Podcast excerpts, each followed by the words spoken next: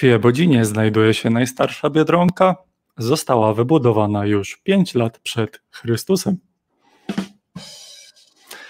Witamy w kolejnym odcinku Stacji Ateizm. Nazywam się Leszek Nowak i będę dzisiaj waszym prowadzącym. Ze mną w studiu wirtualnym jest Bogumił Vandenbroek, czyli najlepszy sceptyk w mieście. Cześć Bogu, co u ciebie? Cześć Lechu, u mnie wszystko e, w miarę spoko i stabilnie. W bardzo fajne wirtualne studio w ogóle. Całkiem fajne, nie? No. Okej, okay, dobra. W stacji ateizm promujemy pozytywny ateizm, rozdział Kościoła od państwa, wspieramy zlęknionych, dyskryminowanych ateistów oraz prowadzimy dialog na temat wiary. Jesteśmy bardzo ciekawi, w co wierzycie i dlaczego.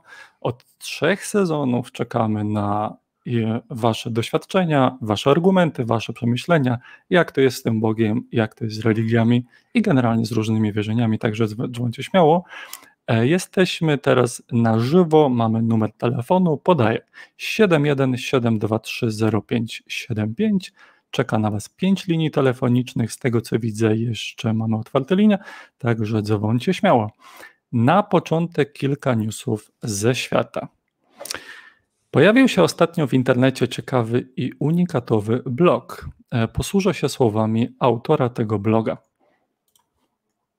Blog pisany jest w duchu popularno-naukowym, przeznaczony jest dla niespecjalistów, tak wierzących, jak i niewierzących, głodnych wiedzy hebraistycznej, dla tych, którzy chcą zgłębić myśl, religię i kulturę Izraela i Judy, dla chcących zweryfikować prawdziwość informacji biblistycznych krążących w polskiej internetoprzestrzeni.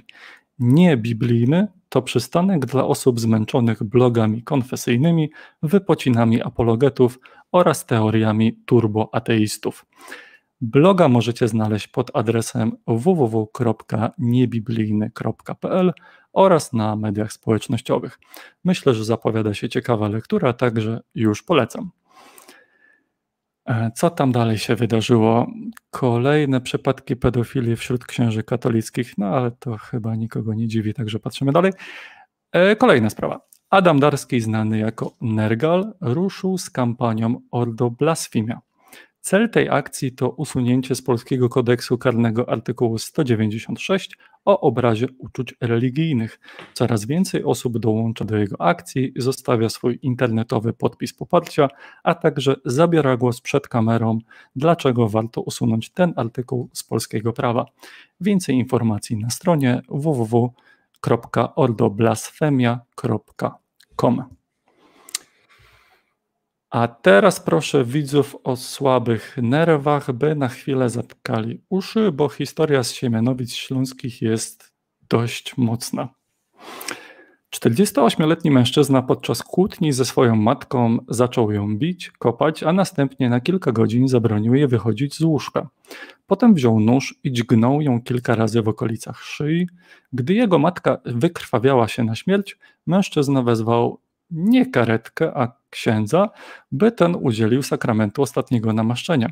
Ksiądz przybył na miejsce, zobaczył, co tam się odwala i wezwał policję. Mężczyźnie grozi dożywocie.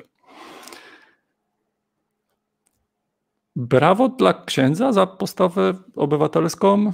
E, zero braw dla tego pana.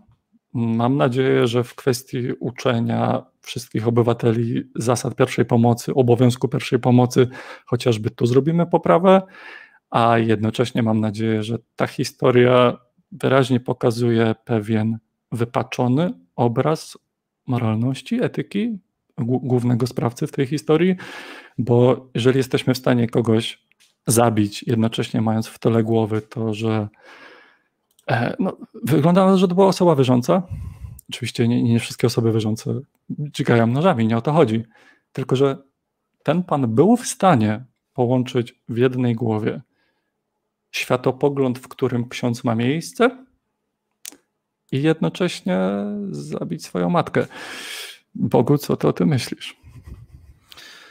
Znaczy, ja byłbym ostrożny w wydawaniu sądów, bo nie znam tej historii brzmi mi to jak jakby jakiegoś rodzaju prawdopodobnie choroba psychiczna, która popchnęła go do takiego czynu. A jak wiemy, jeżeli popchnęła go do tego choroba psychiczna, jeżeli popchnęła, czy ja myślę, że i tak i tak na czynniki, które do tego doprowadziły, nie miał najmniejszego wpływu, więc y, nie obwiniałbym go o jednoczesne bycie osobą wierzącą i dopuszczanie się zbrodni. Jakby moim zdaniem to nie ma nic wspólnego ze sobą. E, natomiast e, też wydaje mi się, że byłem ostrożny e, w stwierdzeniu, że zamiast zadzwonić do lekarza, on wybrał zadzwonienie do księży, do księży, do księdza. Myślę, że to mogło być wręcz automatyczne działanie z jego strony, natomiast to pokazuje moim zdaniem całkiem fajnie też taki aspekt religii, że ona tak mocno może nam wejść, tak bardzo pozmieniać nasze priorytety i takie automatyczne myślenie, że w tako, tego rodzaju skrajnej sytuacji może to doprowadzić do tragedii, no bo mamy kogoś, kto zakładając jego zdrowie psychiczne na tyle, żeby mógł podjąć racjonalną decyzję w tamtym momencie, no to wybrał, żeby zadzwonić do księdza po ostatnie namaszczenie zamiast po lekarza. Czy to dlatego, że bardziej bał się tego, że e, ta jego żona trafi do piekła E, jego matka, przepraszam. jego matka, jego matka trafi do piekła, a, a mniej się bał e, tego, że e, tego, że nie zostanie jej udzielona pomoc, na, w sensie, że wybrał księdza, bo pewnie myślał, że ona już jest jak gdyby no, po niej, mówiąc kolokwialnie, więc najbardziej mu zależało nie na tym, żeby skorzystać z tego ułamka szansy na to, że lekarz być może jeszcze mógłby jakoś pomóc, tylko bardziej mu zależało na tym, żeby jej zapewnić życie w niebie, żeby miała to ostatnie namaszczenie, które jest przecież dość istotne z punktu widzenia katolicyzmu albo z punktu widzenia niektórych jego wersji. Więc no tak bym to podsumował. Mm, tak, tak, do, do, doprecyzuję moją wypowiedź. W żaden sposób w tej historii nie, nie, łączę, nie, nie robię powiązania pomiędzy tym, to był ktoś wierzący, czyli dźgnął nożem. W żadnym wypadku, e, tylko e, e, skłaniające do refleksji i, i po prostu z, z tą myślą chcę pozostawić tego newsa, jest to, że może taka konstrukcja wystąpić w jednej głowie, w jednym człowieku, tym samym tego typu przypadek, jak i wiele, wiele różnych tego typu i mniej dosadnych, pokazuje brak zależności między tym, gdzie jest nasza moralność, a gdzie jest nasze życie religijne. To, to się totalnie, totalnie się zgadzam. Ja to bardziej zrozumiałem na zasadzie był wierzący, a jednak zabił. Nie? W sensie, że to jest rozłączne, tak, tak. To, się, to, się, to się nie miesza, co pokazują wszystkie badania tego świata. Tak, a notorycznie spotykamy z najróżniejszych stron religijnej narracji religijnych, duchownych, gdzieś tam hierarchów, komunikaty w stylu jak ktoś nie ma religii, to będzie tylko i wyłącznie zabijał, gwałcił i tak dalej. No, ciekawy przykład, o którym można sobie dyskutować gdzieś tam w towarzystwie. Nie? Tak. E, dobra, to, to tyle ode mnie z newsów ze świata. Bogu, z czym dzisiaj do nas przychodzi ty? Ja bym chciał dzisiaj dokończyć prolog, e, to znaczy dokończyć temat, który zacząłem e, na, już w poprzednim odcinku, a którego z różnych powodów nie dokończyłem. I chciałbym Wam powiedzieć o e, wpływie społecznym z perspektywy oczywiście psychologii społecznej i powiązać pewne teorie, efekty, mechanizmy z zakresu wpływu społecznego, z zakresu literatury, spróbować je przełożyć na to, jak działa religia które sprawiają te mechanizmy, że ciężko z religii wyjść i spróbujemy sobie w ten sposób odpowiedzieć właśnie dlaczego koniec końców ludzie z tej religii nie odchodzą. Przede wszystkim, jeżeli chodzi o, pozwolę sobie przypomnieć, e, czym jest wpływ społeczny, możemy powiedzieć, że wpływ społeczny jest oddziaływaniem, w wyniku którego jednostka, grupa albo jakaś inna instytucja na przykład wywołuje zmiany w sferze i mamy poznawczą, behawioralną, emocjonalną, E, człowieka. Wpływ społeczny może być e, świadomym, intencjonalnym zabiegiem strony zainteresowanej, ale też może być oczywiście działaniem nieświadomym. Mówiliśmy w poprzednim odcinku, w którym e, poświęciłem temu tematowi nieco czasu o rodzajach wpływu społecznego właśnie, czyli o tych poznawczym, emocjonalnym i behawioralnym. Nie zdążyłem posłużyć się fajnym, wydaje mi się, przykładem, który usłyszałem od swojego profesora odnośnie zmian, które mogą zajść w naszym poznaniu pod wpływem, no właśnie, wpływu społecznego, różnego rodzaju wpływom społecznym. Na przykład, teraz ten przykład chciałbym przedstawić. Weźmy sobie takiego, przeciętno, takiego przeciętnego Polaka, przeciętną osobę z Polski, tego tak zwanego Kowalskiego, który sobie myśli, y, że no te szczepionki są szkodliwe są nieprzebadane, podejrzane i prawdopodobnie chodzi o to, żeby e, te cholerne koncerny farmaceutyczne mogły nabić sobie kabzę. A potem okazuje się, i takie wieści dochodzą naszego Kowalskiego, że pewna nieduża grupa osób e, dostaje te szczepionki poza kolejką mają dostęp do szczepionek, do których on nie ma dojścia. Oni mają układy i tak dalej. No i nagle okazuje się, że taki człowiek stwierdza, że albo może stwierdzić, że gdyby było tak, jak on myślał, no to przecież ci bogaci, specjalni ludzie by się nie szczepili. Oni by tego prawdopodobnie unikali, no bo niech się szczepią ci naiwniacy. No i tak, słuchajcie, zwiększyła się w ogóle popularność szczepień. Według danych, które podał mój wykładowca. E, w listopadzie 2023 około 35% Polaków chciało się szczepić, a po tak zwanej aferze 18 chce się szczepić aż 72%. Więc wychodzi na to, że trzeba wzbudzić w ludziach przekonanie, że szczepionki to dobro niedostępne, cenne, a zmienimy to, co taki człowiek, tacy ludzie na temat szczepionek będą sądzić.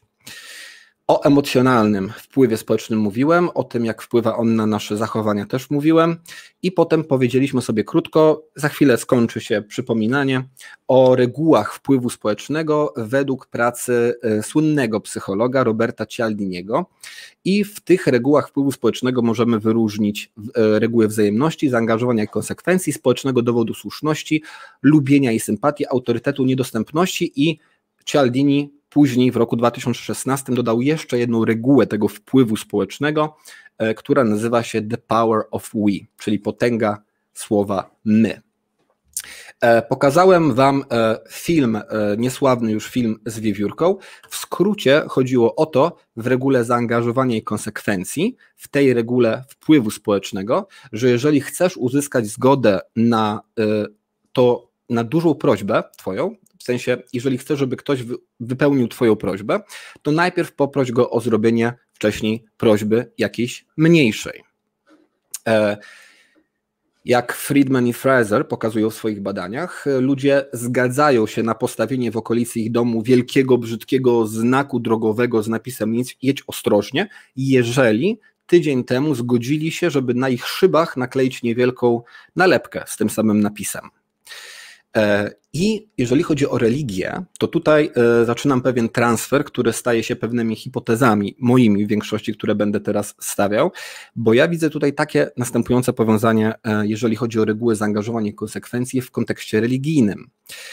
Widzicie, jest trochę tak, że od początku naszych żyć, przez to w jakiej kulturze się wychowaliśmy i jak bardzo ważne miejsce religia w tej kulturze od zawsze zajmowała w naszych życiach, i w naszej historii de facto, że cały czas spełniamy pewne nieduże prośby społeczne, prośby religijne. W Polsce takie prośby społeczne to na przykład e, nie wychylać się, akceptować kulturę i religię jako religię jako jedną z bardzo ważnych części, dostosować się do większości. E, I z tych wszystkich próśb chrzesty, nauka religii w szkole, śluby kościelne, dostosowywanie się do moralności Kościoła i katolicyzmu. E, mamy odnosić się do księży w inny sposób, e, uznawać ich autorytet, e, sam budynek kościoła traktować jako miejsce z jakiegoś powodu wyjątkowe, święte. To sprawia, że po, cały czas spełniając kolejne prośby społeczne, coraz łatwiej nam spełniać kolejne. I tak kończymy właśnie w tego rodzaju sytuacji, w której tych próśb spełniliśmy już tak bardzo, że jesteśmy w tym bardzo głęboko i jako społeczeństwo, i jako bardzo często jednostki. I jest to być może część odpowiedzi na pytanie, dlaczego ludzie z religii nie wychodzą, mimo, bo to jest głównie temat dotyczący, wydaje mi się, tej grup, tych grup ludzi, mimo tego, że mają wiele wątpliwości w swojej głowie, i co do e, miejsca, jakie powinien zajmować Kościół w Polsce, czyli takie poglądy religijno-polityczne, ale również kwestii samych przekonań o, o naturze i istnieniu Boga. Do tego samego podpunktu tej reguły e, podpada również zasada zaangażowania. Nie będę teraz przypominał o badaniu z kobietami i kobietami i klubem dyskusyjnym o seksie w latach 50., bo zabrałoby nam to za dużo czasu.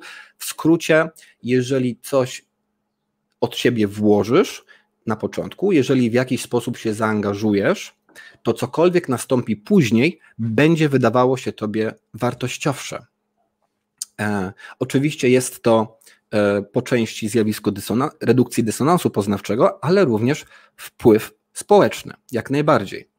W religii u tak zwanych niedzielnych katolików wydaje mi się, że można to odnieść mniej więcej tak. No właśnie ta kultura, właśnie ta historia, właśnie to nasze wychowanie. Całe życie wielu z nas, a olbrzymiej części Polaków, to było w kościele. Chrzesty, śluby swoje, znajomych, religia w szkole, pogrzeby, ksiądz po kolędzie, nauka naszej historii polskiej, tak bardzo przecież związanej z religią, postać papieża Jana Wojtyły. Całe społeczeństwo mówi mi, że to jest wartościowe, że to jest ważne. I ja też, jako Polak, jako część tego społeczeństwa, tyle już zainwestowałem i tyle w tym wszystkim siedzimy. Najwyraźniej to musi być wartościowe. Nie mógłbym się teraz przyznać przed sobą i przed znajomymi i przed rodziną, że wierzyłem, nie wiem, na przykład w rzeczy, które tak naprawdę są nieprawdziwe i że to wszystko, w co zainwestowałem, nie ma jakiejś realnej wartości. Że wszystko to, czym obrosła nasza kultura polska, nasza polskość, przecież tak mocno związana w oczach wielu z katolicyzmem, to coś bez sensu. Przecież sam fakt bycia Polakiem, e, życia w tej kulturze z religią na piedestale, to jest, można powiedzieć, wielka narodowa inwestycja. Zwłaszcza e, jeżeli mam silne poczucie tożsamości grupowej. Czuję się mocno na przykład Polakiem, ponieważ, jak wiemy, patriotyzm bardzo często idzie w parze z wysokim poziomem religijności. Wydaje mi się, że takim bardzo dobrym odwzorowaniem są na przykład, e, oczywiście to jest analogia absolutnie nieprecyzyjna, ale i tak i tak powiem, kobiety w trudnych związkach. Zwróćmy uwagę, ile razy się o tym słyszy. Tyle zaangażowania taka kobieta poświęciła w związek. Trudno, że ten mąż mnie bije po nocach to musi być wartościowe. Warto utrzymywać ten związek, warto utrzymywać tą relację i o to małżeństwo walczyć, no bo przecież tyle już w to zainwestowałam swojego czasu. No nie mogę się przyznać do porażki. E, a teraz opowiemy o drugiej regule wpływu e, społecznego według Roberta Cialdiniego, czyli o społecznym dowodzie słuszności. W skrócie jest to takie nasze wewnętrzne, bardzo silne, wbrew pozorom przekonanie, że jeżeli dużo ludzi podejmuje jakąś decyzję, to to najprawdopodobniej jest decyzja dobra. Jest to czysty nacisk społeczny. I czy tego chcemy, czy nie, i ty, i ty, i ty, i my wszyscy e, wpływowi te, tego rodzaju, czyli społecznemu dowodowi słuszności, ulegamy non-stop każdego dnia każdym razem, kiedy wybierasz jakiś produkt z, nie wiem, marketu budowlanego, który ma więcej gwiazdek niż inny produkt, to ulegasz społecznemu dowodowi słuszności. I takim klasycznym przykładem e, e, właśnie dowodu słuszności e, będzie oczywiście słynny eksperyment z windą pochodzący z lat 60. Teraz zachęcam do jego obejrzenia. In the elevator now. Is a candid star. These folks who are entering, the man with the white shirt, the lady with the trench coat, and subsequently one other member of our staff, will face the rear. And you'll see how this man in the trench coat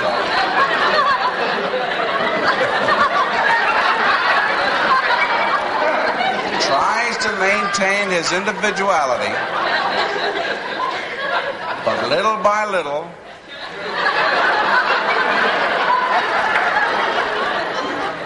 He looks at his watch, but he's really making an excuse for turning just a little bit more to the wall. Now we'll try it once again. Here's the candid subject. Here comes the candid camera staff, three of them at least. And uh, this man has apparently been in groups before.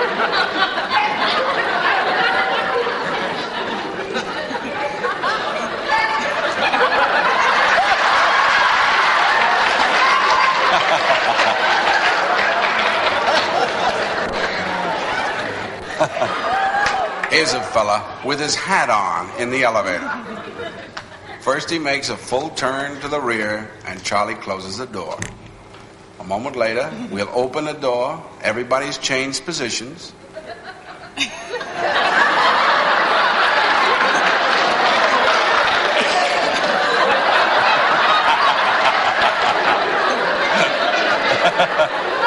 now we'll see if we can use Now we'll see if we can use group pressure for some good. Now, in a moment, on Charlie's signal, everybody turns forward. Notice they take off their hats. And now, do you think we could reverse the procedure? Watch.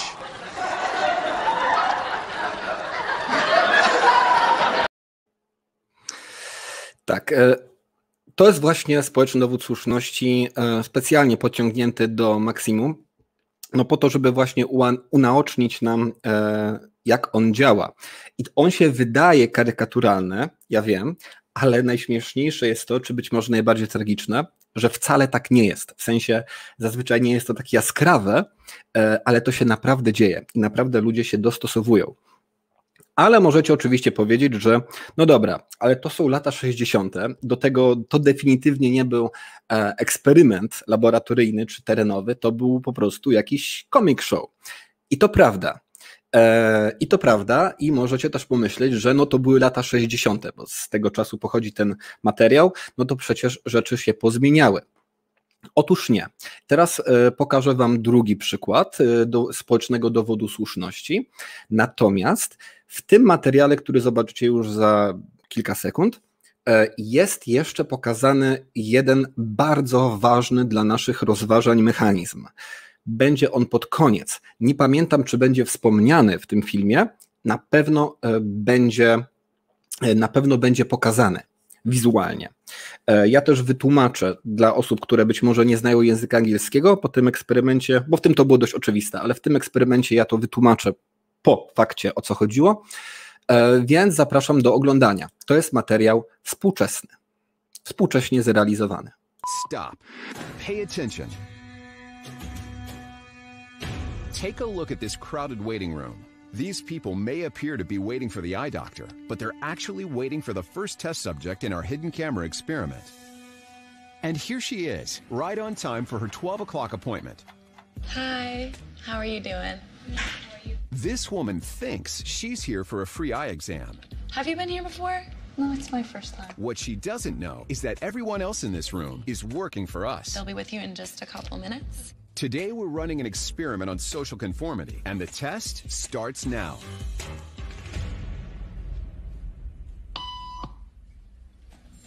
Did you hear that? These people sure did.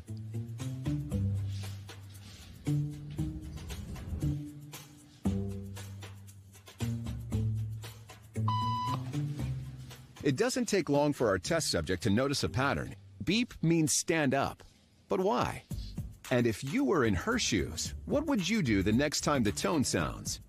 While you might think you make your decisions all on your own, when it comes to peer pressure, all too often, your brain is just following the crowd. We set up a hidden camera experiment to see if this woman would stand up at the sound of this tone, simply because everyone else is. You might be thinking you'd never go along with this. Or would you?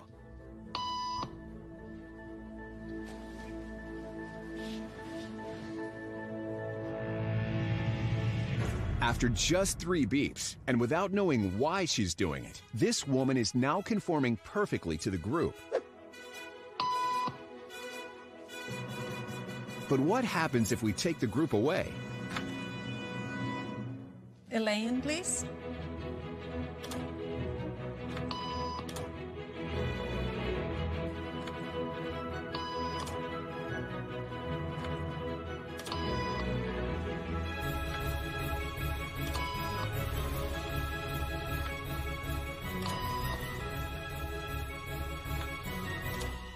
Okay, now she's alone. The crowd is gone and nobody is watching her, except our hidden cameras. What do you think she'll do?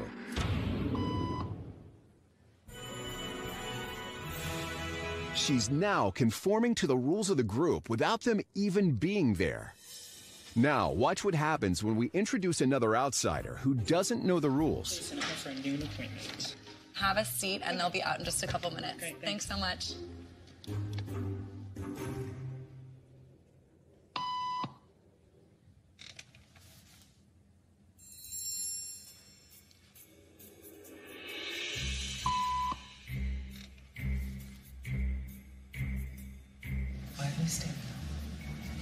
Everybody was doing so I thought I was supposed to. Um, Think she'll teach the new guy what to do?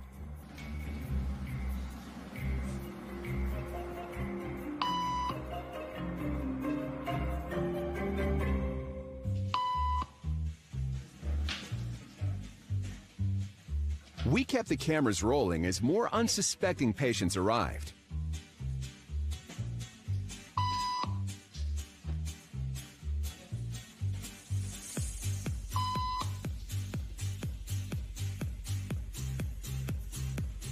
And slowly but surely, what began as a random rule for this woman has now become the social norm for everyone in this waiting room. Social norm for everybody in this room. A więc ten mechanizm dodatkowy, który tutaj był, nazywamy po prostu mechanizmem zarażania. Zarażania nowym zachowaniem, nową regułą społeczną, na wskutek przyjęcia jej przez nas samych przez jakiegoś rodzaju wcześniejszy nacisk społeczny. E, dziewczyna z eksperymentu, ta pierwsza, uznała wstawanie za swoje. Przyjęła to już za pewną normę społeczną, którą, której powinna przestrzegać, bo wszyscy inni jej przestrzegali. Więc zaczęła tą normą społeczną zarażać kolejne osoby. I to jest działanie łańcuchowe. I teraz, kiedy sobie połączymy rodzaj wpływu społecznego, który wywołuje religia przez na przykład regułę zaangażowania i konsekwencji, dodamy do tego społeczny dowód słuszności, no to już mamy, wydaje mi się, ciekawsze pojęcie i nieco większe, jak to może działać. To jest trochę jak pigułka tego, jak ten wpływ społeczny w ogóle działa jest tylu ludzi religijnych wokół nas, do tego jesteś, do, jest nam przekazywane, że religia jest ta, w której się urodziliśmy, jest, ta prawidło, jest tą prawidłową. W życiu bardzo wiele, większość procent ludzi, których spotykamy, też tak uważają. I można to by nazwać po prostu argumentum ad populum, w sensie, że wierzymy w to, co wierzy większość, ale nie do końca, bo zauważcie, że. Że jeżeli spojrzymy na to przez pryzmat właśnie psychologii wpływu społecznego, widzimy też, jak przyjęcie kolejnych nowych przekonań skutkuje pojawieniem się nowych norm społecznych, a nowe, normy, a nowe normy społeczne mają to do siebie, że są przenoszone na kolejne osoby, które pojawiają się w danej grupie ludzi, czy w danym społeczeństwie. Jak to ma na przykład u nas? Jak to jest na przykład u nas? Na podobnej zasadzie działa na przykład również efekt Wertera, który jest trochę, z tego co wiem, dyskusyjny, czy faktycznie występuje, czy nie, ale przez pewien czas tak uważano, że jak najbardziej on jest rzeczywisty i dalej są badania, które wskazują na to, że jest. Chodzi po prostu o, o to, że po tym jak zabije się jakiś znany celebryta, przepraszam, jeżeli jakiś znany celebryta, czy aktor, czy muzyk popełni samobójstwo, no to potem widzimy, że jest większy odsetek samobójstw wśród ludzi po prostu. E, innym bardzo ciekawym przykładem społecznego dowodu słuszności jest przykład z restauracją, e, który to e, było to badanie, które przeprowadził sam Robert Cialdini na potrzeby właśnie swojej książki. Chodzi o to, że wyobraźcie sobie, że macie restaurację i chcecie, żeby któreś danie z karty, z menu sprzedawało się lepiej niż pozostałe. No nie wiem, macie jakiegoś rodzaju przyprawę i chcecie się jej pozbyć, bo jeżeli jej się nie pozbędziecie, no to ona powiedzmy się zepsuje. Bardzo dużo e, szefów, e, e, kierowników i ludzi, którzy posiadają restaurację, wtedy używa takiego zwrotu szef kuchni poleca. W, badaniach Roberta Cialdiniego okazało się, że to bardzo słabo działa. Jest bardzo nieduży wzrost, jeżeli chodzi o sprzedaż tej konkretnej potrawy. Ale jeżeli w menu obok potrawy, którą chcecie sprzedać, napiszecie, że jest to najczęściej wybierane danie przez naszych klientów, to dowód słuszności odpali z taką siłą, że te zmiany są wręcz dramatyczne. I oczywiście, wydaje mi się, najciekawsza część związana właśnie z dowodem e, społecznej słuszności, e, społecznego dowodu słuszności, to jest oczywiście kwestia dyfuzji odpowiedzialności, lepiej znana pod nazwą rozproszenia. E, odpowiedzialność. O co chodzi? E, profesor opowiadał o takim eksperymencie, który przeprowadził samodzielnie, to znaczy przy pomocy swoich studentek. Dwie studentki wchodzą do pociągu, do pociągu z przedziałami, do wagonu z przedziałami. I w połowie przypadków wsiadają w takim przedziale, w którym oprócz e, ich dwóch jest tylko jeden pasażer, a w drugiej połowie przypadków siadają do przedziału, gdzie są trzy inne obce osoby. Następnie w obu tych scenariuszach e, jedna z dziewczyn wstaje e, i mówi drugiej: Wiesz co, słuchaj, e, one odgrywają, że siebie nie znają. To jest bardzo ważne. Przepraszam panią, czy, czy mogłaby pani popilnować moich rzeczy? Ja muszę skoczyć do łazienki. I ta druga mówi: Spoko. No i wychodzi. Wówczas dziewczyna, która zostaje w przedziale, wstaje, podchodzi do rzeczy osobistych tej studentki, która wyszła, wyjmuje portfel, tej studentki obcej, wyciąga z niego 50 zł, odkłada portfel i wraca na swoje miejsce. I oczywiście w tym eksperymencie chodzi o pokazanie właśnie zjawiska dyfuzji e, odpowiedzialności, czyli w którym przedziale było więcej reakcji na kradzież. E, czy w przedziale, w którym była oprócz tej dwójki dziewczyn tylko jedna osoba, czy w przedziale, w którym było tych osób trzy. No właśnie, e, badania przebiegły pomyślnie, w tym sensie, że eksperyment dowiódł słuszności teorii dyfuzji odpowiedzialności. Otóż, jeżeli była tylko jedna osoba w przedziale, to reagowała zdecydowanie częściej niż e, się to zdarzało w przedziale, gdzie były trzy obce osoby, trzy e, przypadkowe osoby. Nie będę teraz opisywał, dlaczego ten efekt zachodzi, bo to byłoby za długo, Natomiast jest tak, że im więcej jest osób w naszym otoczeniu i coś się dzieje e, niedobrego, coś, co wymaga interwencji, pomocy, e, im więcej jest osób dookoła, tym maleje szansa, że ktoś rzeczywiście e, podejmie wysiłek i pomoże tej osobie, czy spróbuje zażegnać dany problem. Naturalnie powiązanie z religią, które ja tutaj widzę, jest takie, że chociaż bardzo, bardzo dużo osób uważa, nawet bardzo mocno religijnych w Polsce, że Kościół no, nie działa tak, jak powinien i zajmuje nieodpowiednie miejsce w naszym państwie e, i że powinno się to być może okazać przez jakiegoś rodzaju krytykę tej instytucji, czy wręcz odchodzenie od niej, to nie robi tego, ponieważ nie widzi, żeby ludzie dookoła to robili. Chociaż ostatnio mówi się w pewnym sensie o kryzysie w kościele, to gdyby nie tego rodzaju wpływ społeczny, a wręcz odwrócenie tego wpływu społecznego wraz połączone z dyfuzją odpowiedzialności, myślę, że widzielibyśmy społecznie o wiele bardziej zdecydowane i radykalne kroki prowadzące do porzucenia religii e, w życiach obywateli Polski, lub przynajmniej do zminimalizowania tej wpływu tej religii e, na nasze życie. I e, remedium, ewentualny pomysł, idąc z duchem psychologii wpływu społecznego, problemem jest tutaj niewiedza ludzi, bo właśnie wówczas najsilniej działa społeczny dowód słuszności. E, on działa wtedy, w krótkich słowach, kiedy nie mamy innych informacji, kiedy jesteśmy, jak to się mówi, clueless. E, I wyobraźcie sobie taką sytuację potencjalną, że jesteście na wycieczce w Singapurze. E, przyjmijmy dla, na potrzeby tego eksperymentu myślowego, że nigdy w Singapurze nie byliście. E, no to wyobraźcie sobie, że jesteście w tym Singapurze i że jesteście w galerii handlowej. W galerii handlowej w Singapurze, jak zresztą w większości galerii handlowych na świecie, jest takie miejsce, gdzie jest jakby taki plac, gdzie znajdują się stoły i krzesła, no i zamykają ten plac z każdej strony zazwyczaj różnego rodzaju restauracje. No i wyobraźcie sobie, że jesteście na takim placu, zastanawiacie się, którą restaurację wybrać i widzicie restaurację, przy której stoi jedna osoba, kilka restauracji, przy których stoją dwie, trzy osoby i przy trzeciej stoi osób 15.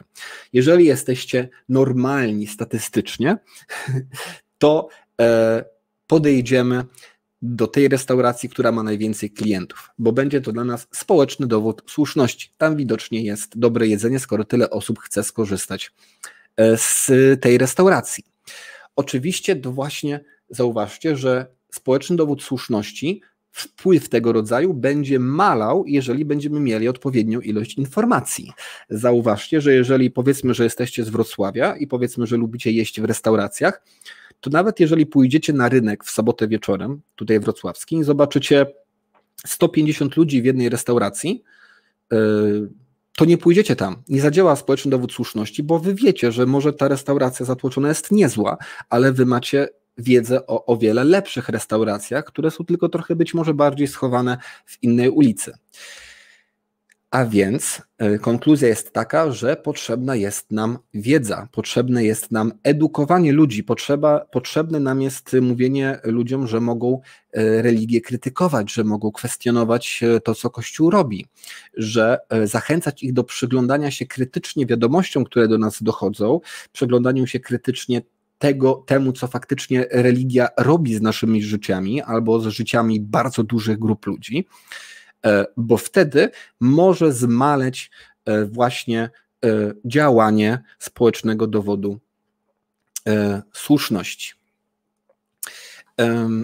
Został mi jeszcze, została mi jeszcze reguła autorytetu, natomiast wstęp już trochę trwa, więc możemy, myślę, że moglibyśmy tutaj skończyć. Wydaje mi się, że i tak powiedziałem dość sporo. Także e, nie wiem, Leszku, co uważasz?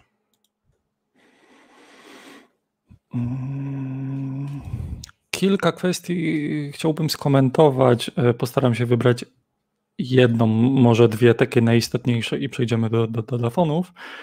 Gdy wspomniałeś o tożsamości, czyli o czymś większym niż jedno z naszych hobby, jedno z naszych zainteresowań, czegoś, co robimy, jakby pro, nasze projekty w życiu, tożsamość jest czymś o, o wiele głębszym i e, w książce Spróchniały Krzyż Joanny Podgórskiej by było takie fajne spostrzeżenie, że w Polsce z dziada pradziada tożsamość Polaka, co to znaczy być Polakiem, było przekazywane w tym samym pakiecie, co być Polakiem i katolikiem. I tym mm -hmm. samym efekt jest taki, to, to, to, to, co ty zauważyłeś, że zdumiewająco mało jest widać protestów katolików, gdy skandale pedofilskie mają się w najlepsze czy w, czy w najgorsze. E, z tego co pamiętam, e, proszę widzów, żeby mnie poprawili, jeśli się mylę, był do tej pory w Polsce na przestrzeni lat jeden protest osób wierzących, katolickich przy tym, co, co się odwala w kościele czekam na więcej, jestem zdumiony, że jest tak mało. Druga sprawa, e, nawet gdy rozmawia się z ludźmi dookoła, gdy ktoś jest powiedzmy wierzący, ale poszukujący, ale nie do końca czuje się katolikiem, może jednak chrześcijaństwo jest dla niego, bo ten kościół coś nie tak, słychać ogromną rezerwę przy tym, żeby samemu wewnętrznie, mentalnie określić się, ok, kiedyś byłem katolikiem, teraz przestaję być katolikiem i dalej czuję się z tym ok, że to nie jest tak proste jak kiedyś kibicowałem Realowi Madryt, a dzisiaj kibicuję Liverpoolowi. Wiem, że y, z takimi zmianami też bywa trudnie, ale rozumiecie o co chodzi. Że teraz mówimy o kwestii tożsamościowej. Dla wielu kibiców piłkarskich to również jest bardzo, bardzo głębokie i istotne. Nie? E, więc mogłem użyć lepszego przykładu. E, I tym samym, gdy w Polsce od wielu pokoleń, e, od setek lat jest utrzymywana pewna podwójna narracja, że Polak katolik dzięki temu moralny, a Polak niekatolik, no to coś musi być z nim nie tak. I regularnie słyszymy też tą drugą część u niektórych polityków, u, u wielu hierarchów, że jak tylko opuścisz nasz ten krąg tożsamościowo y, polski, no to coś z twoją polskością jest nie tak. E, więc to połączenie jest bardzo przede wszystkim nieuzasadnione, e, by skomentować to cenzuralnie. I w żaden sposób nie pasuje do realiów XXI wieku, gdzie dzisiaj w Polsce mamy Polaków, którzy również bez bycia katolikami są pełnoprawnymi Polakami. Więc ta narracja po prostu jest sztuczną wydmuszką, którą się wmawia. Tu nic za tym nie stoi poza wciskaną narracją. I jedna e, szybka jeszcze sprawa, nawiązując do tego, co mówiłeś o tym, że najpierw mniejsza prośba, a potem można większą prośbę. I nawiązując jednocześnie do tego, że im dłużej w czymś bierzemy udział, tym no, raczej spada prawdopodobieństwo, że przeanalizujemy to, czy racjonalnie bierzemy w tym udział i powinniśmy od samego początku, a może w pewnym momencie warto zauważyć, że e, sprawy poszły za daleko. Tak zwany efekt Concorda, e, hmm. tych tam e, utopionych pieniędzy i tak dalej. Tak. I teraz, biorąc pod uwagę to, jakie zaplecze historyczne ma Polska z dziada pradziada, wielu z nas, ja również, ty również byliśmy wychowywani po katolicku I na początku nam religia w kosztach finansowych, chociażby na, na tej warstwie się teraz skupmy, e, jest dość, dość, dość niskim wydatkiem, bo co tydzień na tacę rzucimy jakąś monetę. Prawda. Myślę, że e, racjonalną tezą jest to, że wraz z wiekiem coraz więcej per osoba trafia na tacę, coraz częściej chociażby pojawiają się banknoty. Idąc jeszcze dalej, e, dużo ludzi po swojej śmierci, e, zgodnie ze swoim testamentem, zostawia w spadku swoje majątki życiowe Kościołowi. Jako przykład posłużę coś, co akurat ko kojarzę z. E, akurat kojarzę. Mm, jest firma e, światowa, przy, przynajmniej europejska, jeżeli nie światowa, nazywa się FAAC, czyta się chyba FAC, która robi automatykę i napędy do bram.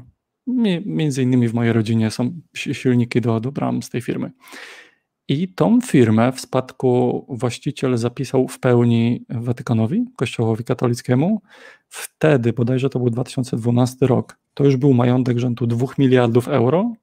I aktualnie, jeżeli do dzisiaj nic w tej sprawie się nie zmieniło, jedynym i nowym właścicielem tej firmy jest Kościół katolicki i Watykan. To jest tylko jeden z przykładów, E, nie, ma sensu teraz mnożyć więcej, pokazujący o jakiej skali tego zjawiska mm, może utopionych kosztów, może dobrze zainwestowanych, to temat na inną dyskusję, ale że ten wykres jakby rośnie z biegiem życia i na przykład jestem ciekaw, czy tak. młodzi ludzie są tak samo skłonni wpisać w swoim własnym testamencie e, cały dorobek życia, tak jak osoby starsze. O, to, to jest ten szybki komentarz ode mnie. Mhm. No, ja myślę, że bardzo trafne, że, że właśnie to inwestowanie coraz więcej, coraz więcej. Tak nazwałem to roboczo spełnianiem kolejnych próśb. Dodał tam, bym tam jeszcze jedną warstwę, że na początku w ogóle tych próśb nie spełniamy świadomie, prawda? Rodzice nas niosą do chrztu i oni spełniają pewną prośbę społeczną, czy też możemy powiedzieć, ulegają wielkiemu naciskowi społecznemu ze wszystkich stron. I tylko bym dodał, że rzeczywiście tutaj jest bardzo istotna kwestia tożsamości narodowej w ogóle tożsamości grupowej, w sytuacji, w której nasze ja rozszerza się na daną grupę. E, I o tym w zasadzie mówi Cialdini właśnie w ostatniej regule wpływu społecznego, którą jest The Power of We. E, no ale to innym razem. E, przejdźmy do telefonów, myślę. Mhm. Ta tożsamość jest na, na, na wielu sferach my jako dziecko wobec naszego rodzica, my jako obywatel kraju, w którym mieszkamy, my jako sąsiad w społeczności, w której mieszkamy. I ta narracja musisz być katolikiem, żeby uczestniczyć w tym pełnoprawnie, e, skłania do refleksji, żeby w pewnym momencie jednak to przeanalizować. I zobaczymy, o czym dzisiaj chce z nami porozmawiać Joanna z Żyrardowa. Halo, halo, słyszymy się? E, tak. Cześć, tu Leszek i Bogu, Cześć. jesteś z nami już na wizji. E, ja bym chciała poruszyć taki temat, e, czy człowiek powinien dążyć do uwolnienia siebie i innych od religii za wszelką cenę. E, powiedzmy tak, e, jako taki, taki, taki background. E, ja byłam świadkiem Jehowy, I właśnie pod tym kątem, e, pod tym kątem o tym myślę. E, wyobraźmy sobie taki przypadek. Mm, rodzice dwunastoletniego chłopca, świadkowie Jehowy, sprawili, że poważnie chory syn nie przyjął krwi i zmarł. Gdyby wyzbyli się religii, to świat by im się zawalił, bo by stwierdzili, że ich syn zginął po nic. E, inny przykład, osoba 80-letnia, świadek Jehowy, przestaje wierzyć. Wychodzi z organizacji, traci kontakty ze wszystkimi, których znał, bo już nie może ich utrzymywać.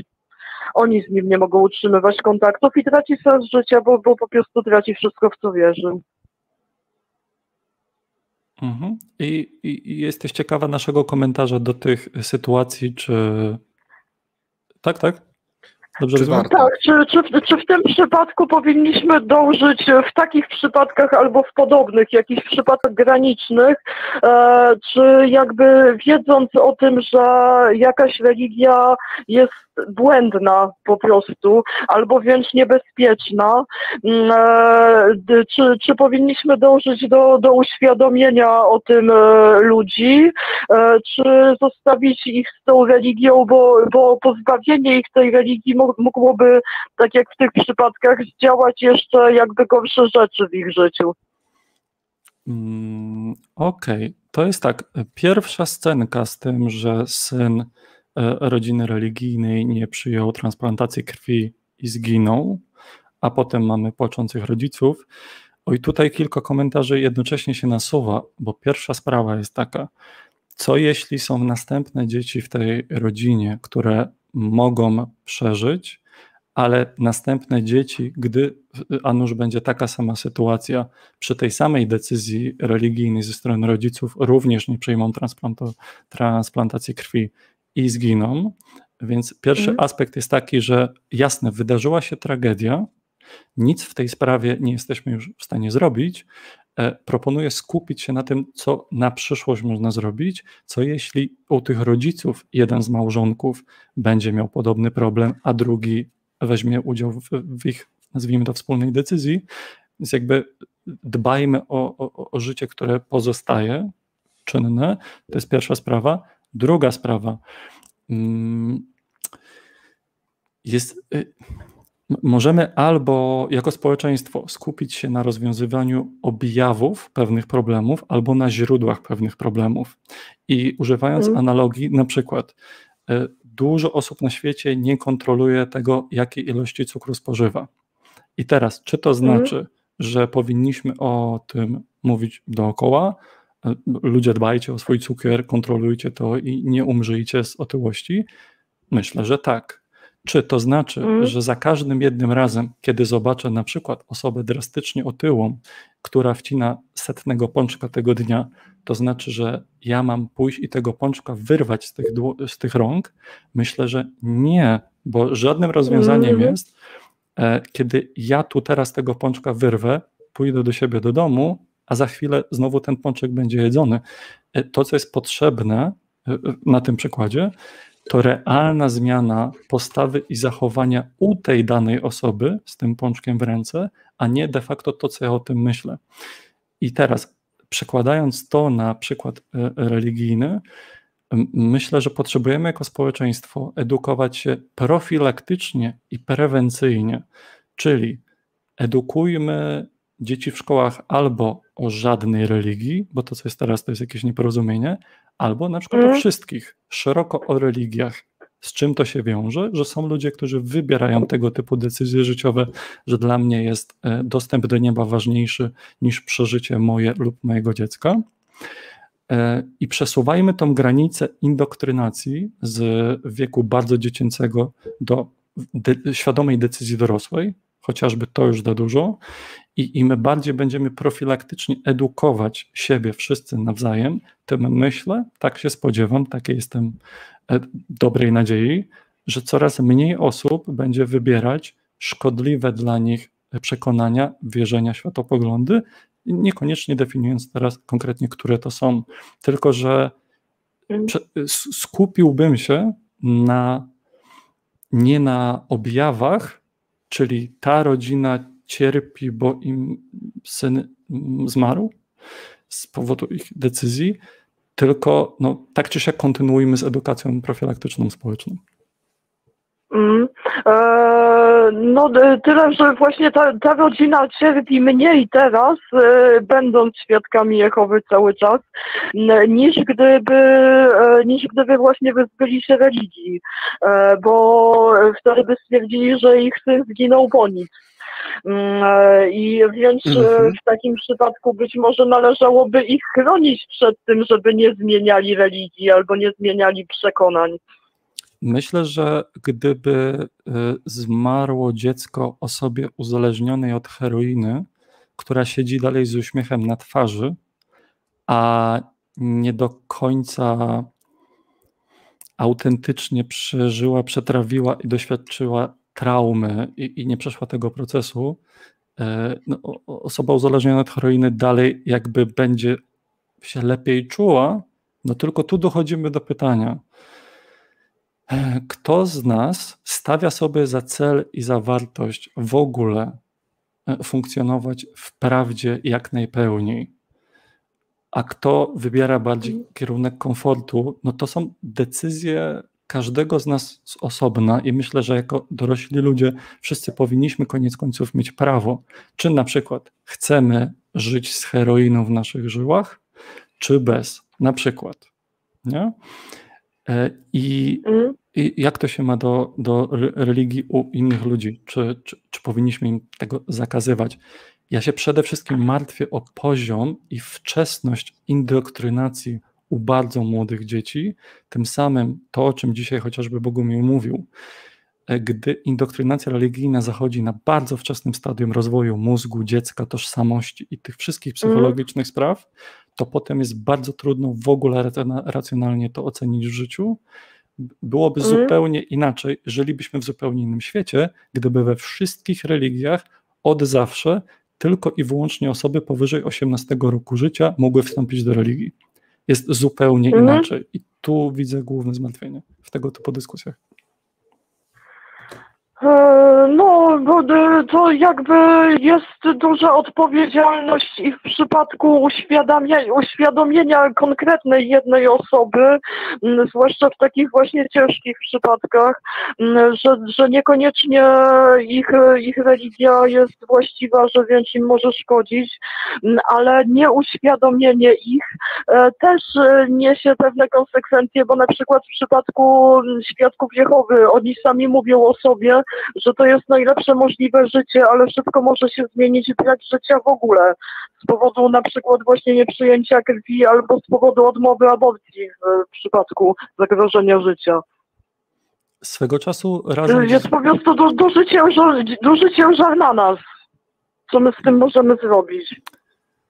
E, Swego czasu rozmawialiśmy z Bogumiłem e, z dwoma świadkami Jehowy, jak mieszkaliśmy razem w mieszkaniu we Wrocławiu i wprost to pytanie padło z naszej strony. E, Mhm. Mieliśmy okazję spytać to, wiesz, twarzą w twarz, czy naprawdę jest tak, że wybrałbyś zginąć, niż e, przyjąć krew od innego człowieka, która by cię uratowała? Mhm. E, Odpowiedź była tak, wybrałbym zginąć, bo Bóg, bo religia, Mm, bo, bo, bo życie wieczne i, i, i, i tego typu sprawy. No i ja jako mam poczucie e- empatyczny i, i, i wrażliwy obywatel siedzący obok, martwię się o ws- wspólnego obywatela w kraju, w którym razem żyjemy, czy generalnie drugiego człowieka Mm. na świecie. Co się wydarzyło w historii tej osoby, która to mi mówi prosto w twarz, że coś takiego, coś takiego mówi. E, Mm. I, I chyba tutaj no, generalną odpowiedzią jest to, żebyśmy robili jak najwięcej dyskusji takie, jak my w tym programie staramy się robić, żebyśmy starali się, jak to jest tylko możliwe, mm, racjonalnie, empatycznie i, i, i życz, ży- życzliwie, spokojnie rozmawiać z ludźmi wierzącymi. Możliwe, że w którymś momencie jakaś konkretna rozmowa z kimś dojdzie do momentu, w którym ktoś dalej podejmuje taką decyzję. Okej, tylko zachęcam, Mhm. sprawdźmy, co w ogóle się wydarzy, kiedy rozmowa będzie konstruktywnie podjęta, bez atakowania, bez pokazywania palcem, bez nazywania idiotami, no bo to, to niekoniecznie nic znosi. Próbujmy, próbujmy. mm. Może się kogoś uda uchronić od tak tragicznej sytuacji. Mm. E, No to ja ja w zasadzie tyle chciałam. A to, To mogę teraz- ja coś dodać? No, Bogu. I ja chciałbym się odnieść. e, Wydaje mi się, że powiedziałaś bardzo ważną kwestię, e, Joanno, e, a mianowicie w przypadku tych rodziców Jehowych, że jest albo Mhm. nasza wiara, albo jest nic. I na przykład śmierć dziecka była bez sensu. I ja chciałbym tylko zaznaczyć, że to przekonanie jest też wplecione w całą ideologię religii.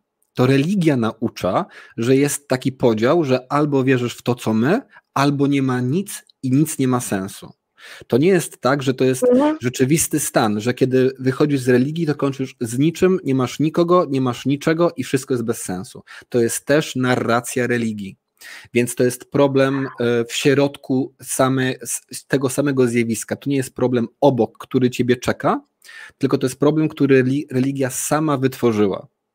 To powiedziawszy, e, rzeczywiście jest tak, mhm. e, i myślę, żebyś się zgodziła, że przecież religia, i o tym często ja staram się mówić, bo dla mnie to jest bardzo ważna część w ogóle, dlaczego ludzie są religijni, to jest to, że ich religie odpowiadają na bardzo wiele trudnych pytań egzystencjalnych.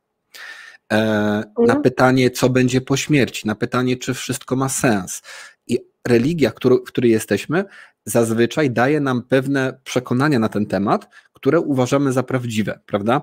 E, I teraz mhm jest moim zdaniem e, wielki, wielką szkodą, że na przykład w szkołach w ogóle się tego tematu nie tyka. Zauważmy, że w szkole są przedmioty typu historia, matematyka, polski, a jedyny przedmiot, który być może chociaż w jakikolwiek sposób dotyka moralności, tego co się powinno, czego się nie powinno, e, to jest religia. Może coś jest napomykane w jakimś WDŻ, ale wątpię. I to jest straszne, bo nikt nas nie uczy, jak odpowiadać sobie na różnego rodzaju trudne pytania egzystencjalne i gdzie szukać sensu poza religią. To jest bardzo krzywdzące moim zdaniem. Podstawy psychologii, podstawy y, dobrostanu, podstawy dbania o siebie, podstawy filozofii, mhm. e, podstawy różnych takich nawet duchowych praktyk, że skupianie się jest dobre, że odczuwanie wrażeń jest dobre, że odczuwanie piękna jest dobre. Tego nigdzie nie naucza się nic jedynym miejscem mhm. jest religia, w którym mówi się, że tutaj dostaniesz odpowiedzi na to, co jest dobre, co jest złe, co powinieneś robić, co powinnaś robić, czego nie powinnaś robić, a mało tego, jeżeli nas zostawisz i tą religię zostawisz, to kończysz z niczym i wszystko jest bez sensu. To jest mhm. straszne i to jest e, problem wynikający z religii, co, i tu już kończę, nie zwalnia nas jako osoby świeckie z odpowiedzialności za osoby, które dzięki nam na przykład wyszły z religii i właśnie przez tą religię kończą w miejscu, o którym ty wspominałaś, w którym myślą, że nic nie ma sensu i, e, i, i, i nihilizm totalny. Więc no, myślę, no, akurat, że. Akurat w tym no przypadku no to, to oni by mogli mieć takie odczucie, dlatego że oni sami do tej śmierci się przyczynili. Zresztą to jest przypadek faktyczny. Też. Była też. taka historia. Na, na, pewno, na pewno też, ale też na pewno jest masa historii, w których po prostu rzeczywiście, kiedy porzucasz przekonania religijne, to wydaje ci, że, że, że wydaje ci się, że życie jest jakby bez sensu, nie? Naoko, naokoło. E, że, mhm. że twoje wartości upadają, nie? I do tego się, odno- może nie konkretnie w tym przypadku, ale tak ogólnie do, do całości zjawiska.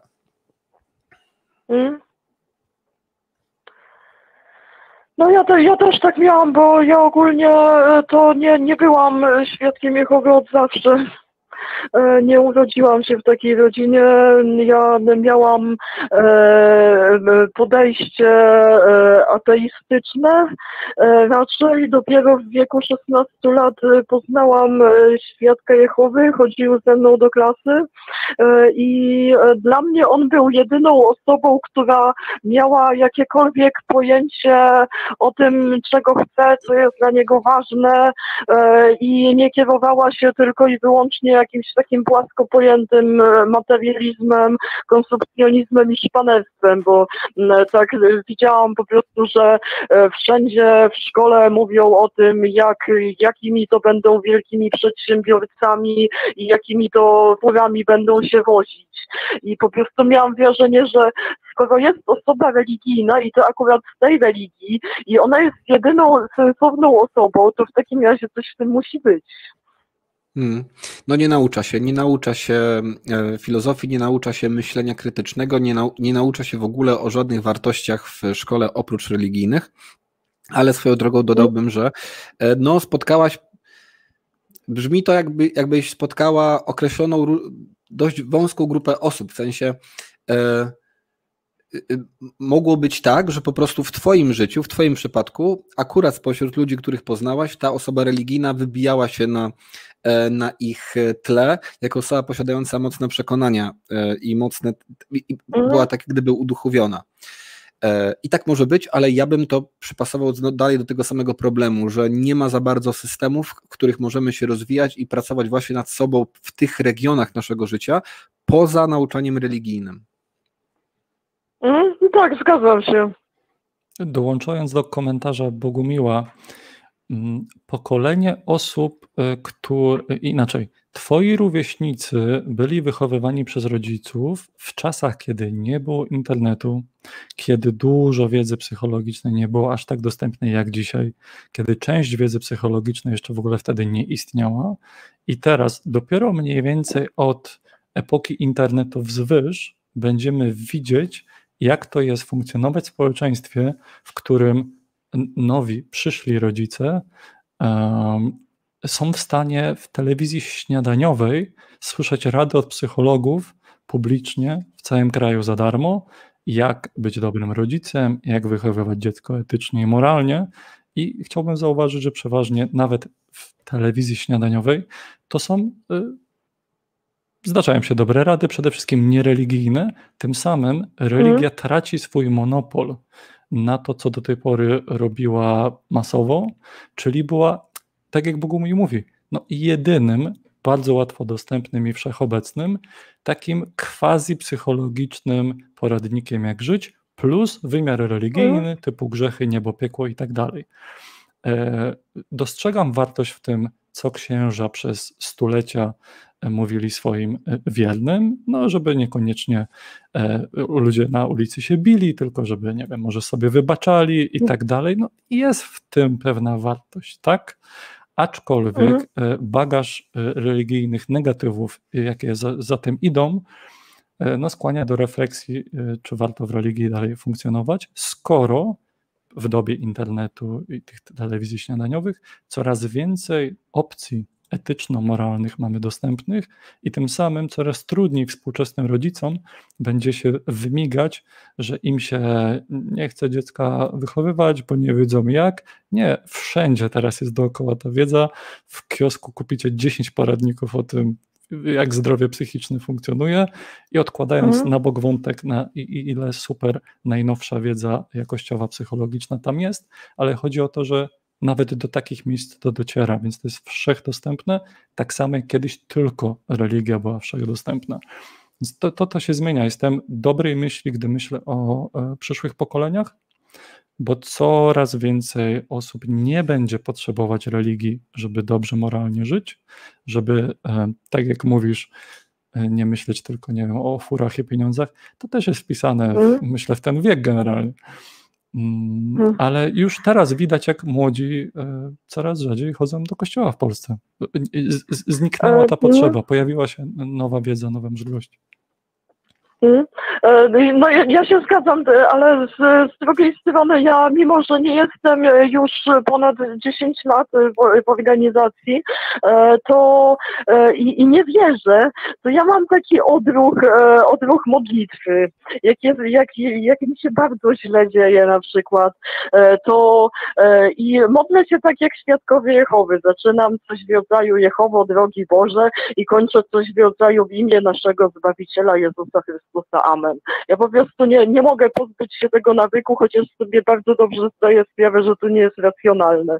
I też, i też się dziwnie z tym czuję, że, że mi się to tak trzyma. To jest właśnie przykład tego, jak religia potrafi trzymać. Ponad 10 lat minęło. E, trochę tak, a z drugiej strony to jest po prostu forma redukcji stresu i napięcia. Zresztą znakomita. Wiele technik medytacyjnych polega właśnie na tego rodzaju modlitwie.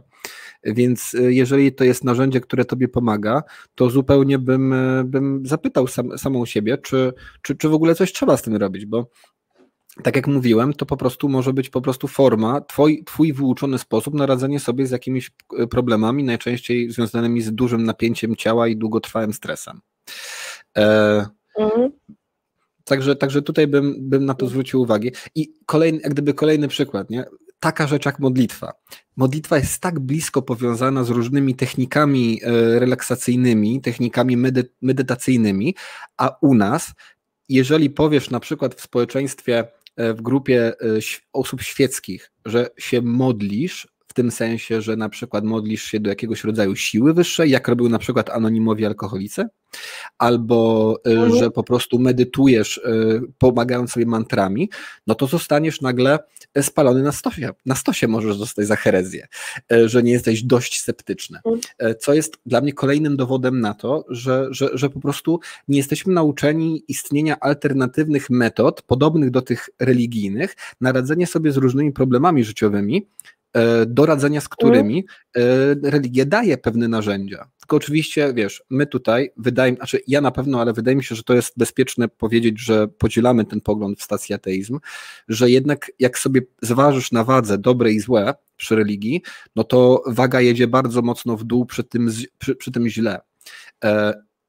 Ale to nie Mhm. znaczy, że w religii nie ma dobrych rzeczy, które warto by wziąć, wsadzić w nowe systemy duchowe, w nowe systemy moralne, etyczne i tak dalej i na tym budować. E, także tutaj tak bym, to, Mhm. tak, bym, tak bym to podsumował.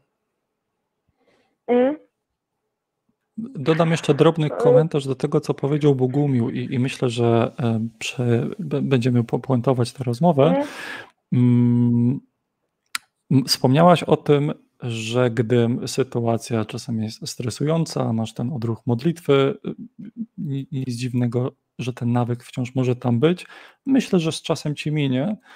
Mm, Zastanawiające jest to, że gdy mamy stres, gdy mamy silną emocję w środku jakiś impuls się wydarzył, że tę te, tę reakcję u nas wywołał, ta reakcja sama z siebie nie opadnie za sekundę, za dwie, czasami za pięć wciąż nie. Ale w końcu opadnie. Jakby wiemy, że za godzinę przeważnie tego Mhm. stresu już nie ma. I teraz, jakie rzeczy pomagają, gdy mamy w sobie stres? Siedzę i mam stres, co mam robić? No, stara jak świat sztuczka z spokojnym liczeniem do 10, dychaniem głęboko, myślę, że ma podobne efekty. Dlaczego?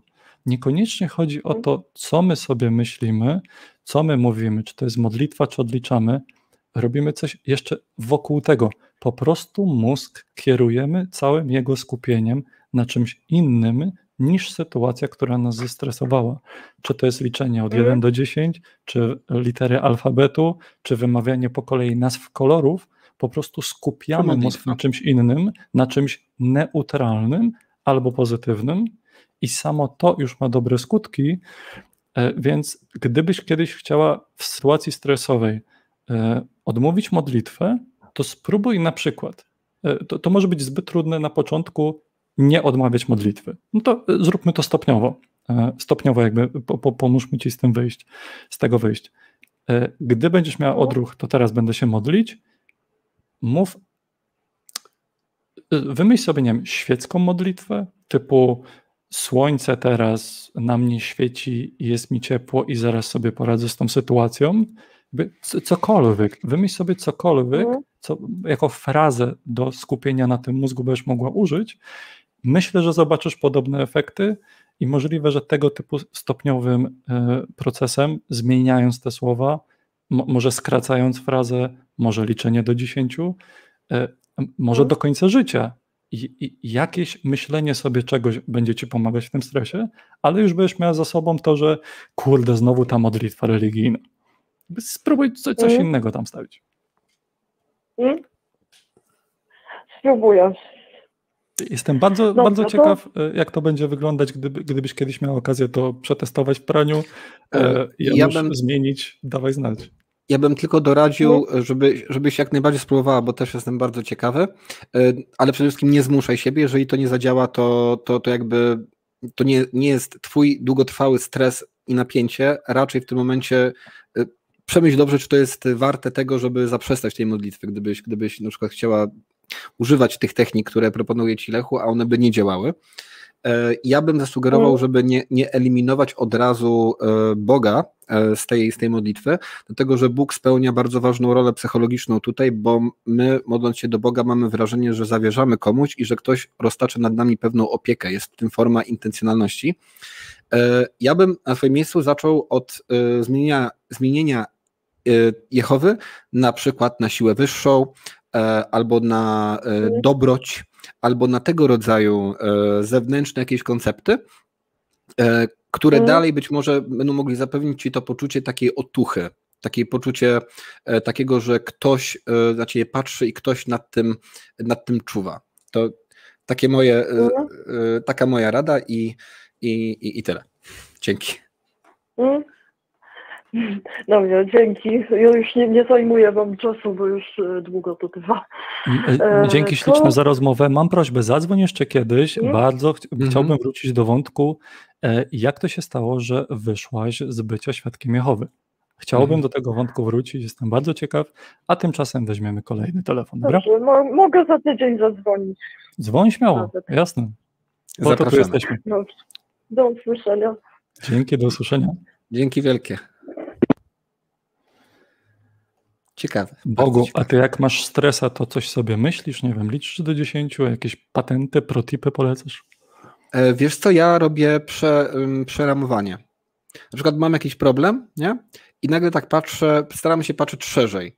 W sensie, i zazwyczaj mi wychodzi, że ten problem wcale nie jest tak duży, jak, jak mi się wydaje. W sensie oddzielam swoją emocjonalność i widzę, że ona jest nierównomiernie duża do wielkości problemu. E, A do tego techniki medytacyjne, e, Dzogchen i tak dalej kontynuuję i bardzo mi pomagają w tym. Czyli jest jakby ten poziom poznawczy, a nad poziomem emo- emocjonalnym e, steruję, czy staram się sterować właśnie te, konkretnymi technikami. I tak, Mhm. końcowo rzeczywiście możesz sobie powtarzać w, w umyśle dowolne cyfry losowo i to ma takie samo, takie samo znaczenie. No, także tak sobie radzę. To korzystając z okazji chciałbym się podzielić czymś, co może, może dla któregoś z widzów będzie przydatne. Mm, Taka postać jak Byron Katie poleca cztery pytania, które sami sobie możemy zadawać na przykład w stresujących sytuacjach, które pomagają, e, tak jak mówisz, przeramować sytuację, spojrzeć na to nowym, świeżym spojrzeniem. Dajmy na to, jesteśmy na ulicy i ktoś nas nagle zirytuje, bo nie wiem, przebiegnie przez nami, jesteśmy wściekli na niego i tak dalej. Mm, Pierwsze pytanie. Czy to, co teraz myślę, to prawda? Czyli na przykład wiem, że to był kretyn, wiem, że zachował się nierozsądnie i wiem, że nie wiem, chciał mi zrobić na złość. Drugie pytanie. Czy to, co wiem, to absolutnie na pewno prawda? Przyglądamy się temu, na jakiej podstawie naszą reakcję emocjonalną w ogóle posiedliśmy. Trzecie pytanie. Jak reaguję, gdy takie coś się dzieje? E, prze- prze- Przepraszam, bo to czytam z angielskiego. A, kiedy mam tą myśl w sobie, ten stan emocjonalny, prze- przede wszystkim tą myśl, tą, która teraz we mnie coś wywołuje, jak ja reaguję, co się wtedy dzieje, po prostu, aha, teraz jestem wkurzony, tego typu analiza. I czwarte, kim bym był bez tej myśli na poziomie tożsamości. No i tu się może pojawić, no gdybym teraz nie był wkurzony, byłbym bardziej opanowanym człowiekiem. I tego typu cztery pytania e, polecam, może się przydadzą. Mm, Tymczasem kolejny telefon. Łączymy się z Michałem z Warszawy. Halo, halo, słyszymy się? E, Tak, cześć, witajcie. Bardzo mi miło Was słyszeć i cieszę się, że się dodzwoniłem. Cześć, dzięki, że zaczekałeś. Co tam, jak tam? E, słuchajcie, nie wiem, co się działo do tej pory, bo e, mm, usłyszałem tylko pierwszy telefon, jak e, koleżanka zadzwoniła, powiedziała, że była świadkiem Jehowy. Potem, co się działo, to nie wiem już dalej, ponieważ oglądałem na, e, Was na telefonie, więc albo linia musiała być zajęta, albo telefon włączony. W każdym razie, e, do sedna przechodząc, e, chciałem powiedzieć o tym, co, mm, co Bogu powiedziałeś na początku e, e, odnośnie mm, tego, że często jest tak, że jeśli chcemy poprosić kogoś o jakąś tam większą przysługę, to, e, to należy go poprosić o najpierw małą, potem większą i coraz większą. E, tak dobrze to zrozumiałem? Tak, w gruncie rzeczy, y, w gruncie rzeczy badania pokazują, że, że, że tak to działa. Przez wzgląd na regułę Mhm. y, Cialdiniego, według tej teorii, która nazywa się konsekwencją i zaangażowaniem. Mhm. E, no więc chciałem powiedzieć, że ja jako też były świadek Jehowy, e, też doświadczyłem czegoś takiego na swojej skórze, e, m, ponieważ e, będąc osobą zainteresowaną, e, bo tak świadkowie Jehowy nazywają kogoś, kto e, nie jest jeszcze ochrzczony, ale już wykazuje jakieś tam zainteresowanie, mm, zostawały mi przydzielane jakieś tam małe, pomniejsze zadania, kiedy już zostałem ochrzczony coraz większe e, i coraz większą odpowiedzialnością, mm, aż do momentu, e, kiedy to miałem naprawdę dużo, dużo różnych takich zadań w zborze, mm, też między innymi nauczania, więc na własnej skórze doświadczyłem tego, że, mm, że właśnie religia, która chce czegoś od ciebie, to najpierw powoli, pomalutku daje jakieś tam zadania, nie od razu rzuca na głęboką wodę, ale po to, żeby do siebie przyciągnąć, przyzwyczaić e, i no i tak to właśnie ze mną było. E, druga sprawa mm, jest, e, jest też taka e, wśród świadków Jehowy i to, co też e, Bogu poruszałeś na początku mm, w swoim, w swoim przemówieniu, dotyczące, przepraszam, trochę się stresuję i wyleciało mi z głowy, e, ale zaraz sobie przypomnę. Nie ma problemu, naprawdę. E, ach, już wiem, chodzi o odejście od religii, o presję grupy i o to, że mm, na przykładzie tego, tych eksperymentów, które podawałeś, jak się człowiek zachowuje wśród innych ludzi, aż pewne zachowanie zaczyna przyjmować jako swoje. E, mhm. Nawet jeżeli na początku jest to wbrew niemu samemu.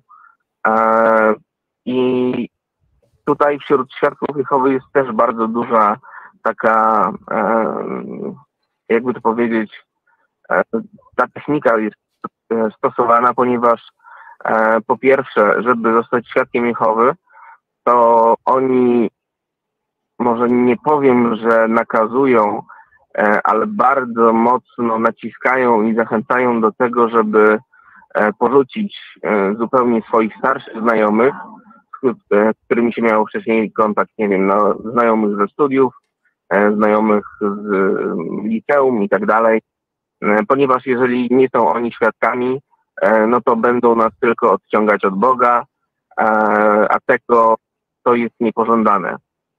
Mm, więc w moim przypadku było tak, że zerwałem e, kontakt, e, ponieważ uwierzyłem w to, co świadkowie głoszą.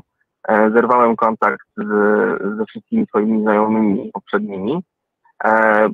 Przez 9 lat bycia świadkiem nabyłem nowy, nowych przyjaźni w swoim zborze, w jakichś tam innych okolicznych zbor, zborach i sam wiem, jak bardzo trudno jest wyjść z takiego bardzo hermetycznego środowiska. E, to trochę nie ma przełożenia na katolicyzm, może, mm, chociaż może trochę ma, e, ponieważ kiedy jakaś osoba decyduje się na odejście, e, no to panuje wśród świadków jest taki ostracyzm, że nawet jeżeli jest to członek rodziny, to nie rozmawia z nim się e, praktycznie wcale, ale a jeżeli już jakieś rozmowy mają się odbyć, to tylko w sposób taki formalny i tylko mm, i w jak najbardziej ograniczonym stopniu. E, więc jest z tyłu głowy u takiego człowieka, u którego zrodziły się wątpliwości, że mm, no to co ja zrobię, jak ja teraz odejdę? To co te wszystkie lata, które byłem, e, byłem zaangażowany w tą religię, to po prostu przepadną, a oprócz tego jest jeszcze właśnie kwestia znajomości, przyjaciół, e, towarzystwa, w którym się obracało, więc jest to bardzo e, ta religia, myślę, że inne też, ale miałam doświadczenia z tą religią, mm, bardzo tą, tą technikę wykorzystują. E, właśnie tego takiego ostracyzmu i przywiązania, wręcz takiego chorego przywiązania do, e, do tej religii. Mm, nie wiem, co tam, tak jak mówię, nie wiem, co tam się wcześniej na antenie działo, bo e, oglądam na telefonie i, po prostu byłem w poczekalni, tam muzyka grała. No i tak chciałem się tym podzielić po prostu, po prostu z wami i, i też ze słuchaczami. Mhm. Czy nie wiem, może jakie macie jakieś pytania? Jakiś, jakiś komentarz, pytanko? Hmm. No, y, ja, ja, bym, ja bym tylko powiedział, że ja Tobie gratuluję bardzo, że udało Ci się wyjść z tego hermetycznego środowiska. Mogę tylko się domyślać, y, jakie to było trudne i pewnie jak wieloetapowo to, to, to, to, to, to trzeba było przejść. Także tutaj wielki szacun, bo no tak. to jest ogólnie myślę, że rzadkie, tak? Umiejętnie, w sensie z sukcesem opuścić jakieś środowisko, do którego zostało się przywiązane za sprawą bardzo wielu mechanizmów, w tym właśnie mechanizmów tak. wpływu społecznego. Nie? Lechu? Dokładnie, dziękuję bardzo, to miłe. Jak najbardziej dołączam się do, do, do ciepłych słów od Boga. E, to jest bardzo trudne wyjść chociażby z organizacji Świadkowie Jehowy. Tam bardzo mocno alienacja społeczna zachodzi. W mojej rodzinie miałem do czynienia z, ze Świadkami Jehowy. Widziałem, jak to wpływa na nasze najzwyklejsze relacje rodzinne. Chyba jednej z cioci Nigdy nie spotkałem, a kuzynkę spotykałem. I nawet jak przychodziłem do nich w gości, to z kuzynką się bawiłem za dzieciaka. A o, to, nie, nie, będę teraz e, omawiał. W każdym razie byłem obok tematu tej alienacji społecznej do, dość blisko. E, I komentarz, jaki bym widział, to jest to, że spójrzmy na świadków Jehowy, na różne religie, na różne sekty przez moment z perspektywy stricte modelu biznesowego. W jaki tak. sposób tak. można robić pieniądze na e, podstawie jakich źródeł? Dokładnie tak. Mhm. I um, to bardzo się łączy i z Tutaj tematem dzisiejszego odcinka, i z tym, co ty dzisiaj mówisz, bo jeżeli mhm. wyobrazimy sobie, że e, popyt podaż, to teraz e, po podaż chyba.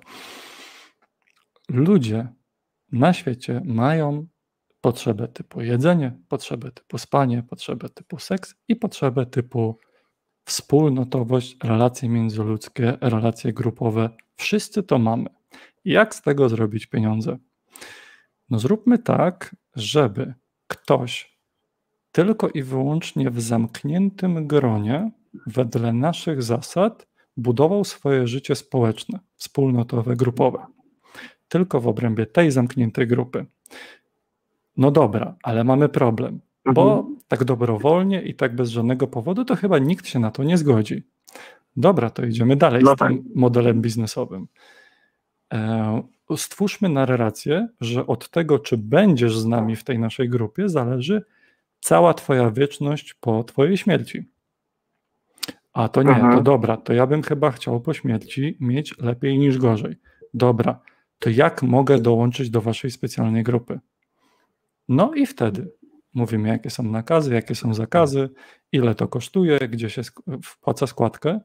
Ja, ja wiem, że to, co teraz mówię, jest strasznym uproszczeniem, ale perspektywa spojrzenia na to z, z tej strony to jest coś, co rzadko, o ile praktycznie nigdy nie zachodzi gdy jest się w, w, w takim miejscu, w środku, wewnątrz. Jestem ciekaw, czy ty, mhm. będąc kiedyś w środku świadków Jehowych, czy w ogóle widziałeś właśnie dookoła trzeźwe spojrzenie, sceptyczne spojrzenie, krytyczne, samodzielne myślenie, czy raczej efekt myślenia grupowego i efekt bycia zarządzanym grupą przez kogoś z góry? Zdecydowanie, zdecydowanie efekt bycia zarządzanym przez kogoś e, z góry, mm, takiej grupowej e, przynależności. E, dopiero pod sam koniec, tak jakby mojego wybudzania się, kiedy to zacząłem interesować się właśnie mm, i ateizmem, i ewolucją, ponieważ no, świadkowie, świadkowie Jehowy nie wierzą w ewolucję. Nie są też takimi stricte ortodoksyjnymi e, kreacjonistami. E, natomiast mm, zacząłem się interesować właśnie ewolucją, czytać, oglądać różne e, popularno-naukowe materiały. Mm, no i dopiero wtedy zacząłem dostrzegać, jak, że tak naprawdę niekoniecznie może chodzić o religię w tym wszystkim. A na przykład o co? Jest- co cię wtedy naszło? E, co mnie naszło? Naszły mnie wątpliwości jeszcze chyba z rok czy dwa jeszcze byłem w tej organizacji. E, ale to tylko chyba dlatego, że, e, że miałem żonę, która, przepraszam, e, że miałem żonę, która też była, jest, przepraszam, gardło, e, która, e, mm, która jest e, dalej świadkiem Jehowy, więc nie wyobrażałem sobie tego, że, że może coś, e, że miałbym ją w jakiś sposób zostawić, czy zostawić e, swoją rodzinę od strony e, właśnie swojej ex-żony, czy swoich przyjaciół i to było takim głównym czynnikiem, które e, mnie tam jeszcze trzymało. Ale bardzo, bardzo pomogło mi w wyjściu z tego e, mm, chociażby mm, chociażby debaty Karola. E, też mm, pamiętam, nie pamiętam dokładnie o czym były te odcinki, ale też wasza stacja ateizm gdzieś tam jakiś kamyczek do tego dorzuciła. Łukasz Wybrańczyk, e, którego też bardzo szanuję i jego debata e, mm, na temat e, tego, czy Bóg, czy Bóg jest realny, czy Bóg istnieje. Aż w końcu zdecydowałem się, że no, nie jestem w stanie żyć w dłużej w kłamstwie i nie chcę oszukiwać samego siebie i innych. No bo to by tylko mm, działało na moją niekorzyść. Ja bym się z tym po prostu bardzo źle czuł. E, I, no i w końcu napisałem po prostu list o to, e, że mm, zmieniły mi się priorytety w życiu i że nie mam ochoty być e, więcej świadkiem Jehowy. Oczywiście była też rozmowa z mm, dwoma starszymi, czyli takimi księżmi, można powiedzieć, na język, przełożyć na język katolicki, którzy próbowali mm, rozmawiać ze mną, że mm, ale pamiętaj, Michał, to jest najlepsza droga życiowa, e, którą możesz sobie wybrać mm, i tak dalej, i tak dalej. E, Natomiast e, no ja już byłem przekonany o tym, że, że, że nie chcę tam być, nie chcę żyć dłużej w kłamstwie. E, I powiem wam, że odejście od religii e, było dla mnie przynajmniej chyba jedną z najbardziej wyzwalających rzeczy w całym życiu. E, to, że nie muszę się martwić, że ktoś mnie cały czas obserwuje, obserwuje moje uczynki, czy jest zadowolony z moich uczynków, czy nie jest zadowolony z moich uczynków, że mam postępować e, według jakichś wytyczonych reguł, a nie po prostu starać się być dobrym człowiekiem i nie krzywdzić innych ludzi e, mm, i dawać dobro po prostu dookoła siebie. E, to jest naprawdę takie uwalniające, zwłaszcza kiedy się już przekona człowiek o tym, że te argumenty, które na początku e, przyciągnęły mnie do świadków Jehowy e, i tego, że Biblia jest e, spójna i prawdziwa e, i że Bóg jest prawdziwy, e, no to wtedy, kiedy to wszystko pękło, e, no to stało się, to stało i, i to, to połączenie właśnie z odejściem stało się naprawdę bardzo wyzwalające, chociaż e, tak naprawdę, e, podobnie jak Karol e, Fiałkowski mówi, że do, że do końca prawdopodobnie swojego życia będzie odczuwał jakieś konsekwencje związane z odejściem od religii. Ja na przykład w tym momencie zostałem kompletnie bez nikogo, oprócz jakiejś tam swojej najbliższej rodziny. Mama, tata, mm, dziadkowie z jednej strony od, od strony taty, no i mojej partnerki obecnej, no to nie mam tak naprawdę nikogo. Zostałem, wychodząc stamtąd, zostałem z niczym i było takie przez, przez jakiś czas rozgoryczenie, że no, no ej, ale zostawiłem mnóstwo lat swojego życia i i po prostu to wszystko poszło na marne. E, z drugiej strony staram się z tego też wyciągnąć jakąś lekcję. E, bardzo mi się podoba e, treść u właśnie Ciebie Bogu na kanale związanym z, związaną z tym, żeby być sceptycznym do wszystkiego. To też jest takie mm, bardzo budujące, o, w ten sposób powiem. E, kiedy można się przyglądać różnym rzeczom i w tej chwili wiem, że to naprawdę odejście stamtąd e, to był bardzo dobry krok i tak sobie myślę, nie chcę udzielać nikomu rad, e, ale jeżeli ktoś się waha, to warto pomyśleć, czy jest sens na siłę tkwić w danej religii, tylko po to, żeby komuś innemu nie było przykro, e, nie wiem, babci, rodzino, rodzinie, mamie, tacie, e, czy komukolwiek innemu. e, i samemu siebie oszukiwać, że jest się w tej religii i, i innych oszukiwać, że tak faktycznie ja dalej jestem katolikiem, świadkiem Jehowy, zielonoświątkowcem, czy kimkolwiek tam E, no, kimkolwiek można być. E, no, to mm, na ten moment to chyba tyle, mm. Co chciałbym ja powiedzieć. Bym... Chciałbym mhm. E, jeszcze jedna taka rzecz przestrzegająca przed wszystkimi, przed świadkami Jehowy, wszystkich ludzi, którzy nas, nas słuchają. 10, jeżeli jeszcze nie jesteście świadkami Jehowy, a studiujecie ze świadkami Jehowy ich podręczniki, e, książki, czy oni przychodzą do Was e, cyklicznie, rozmawiają i Wy na te rozmowy pozwalacie, to bardzo, bardzo, bardzo mocno radziłbym się zastanowić, e, żeby i po prostu nie wstępować do tej organizacji. Świadkowie Jehowy są bardzo dobrze przyuczeni do tego, żeby e, po prostu technikami manipulacyjnymi i e, takimi mm, innymi technikami, które stosuje się e, w konwersacji, e, przekonywać ludzi na swój sposób. Tak, tam są co tydzień organizowane szkolenia e, w tak zwanej, e, za moich czasów to się nazywało zebranie służby królestwa.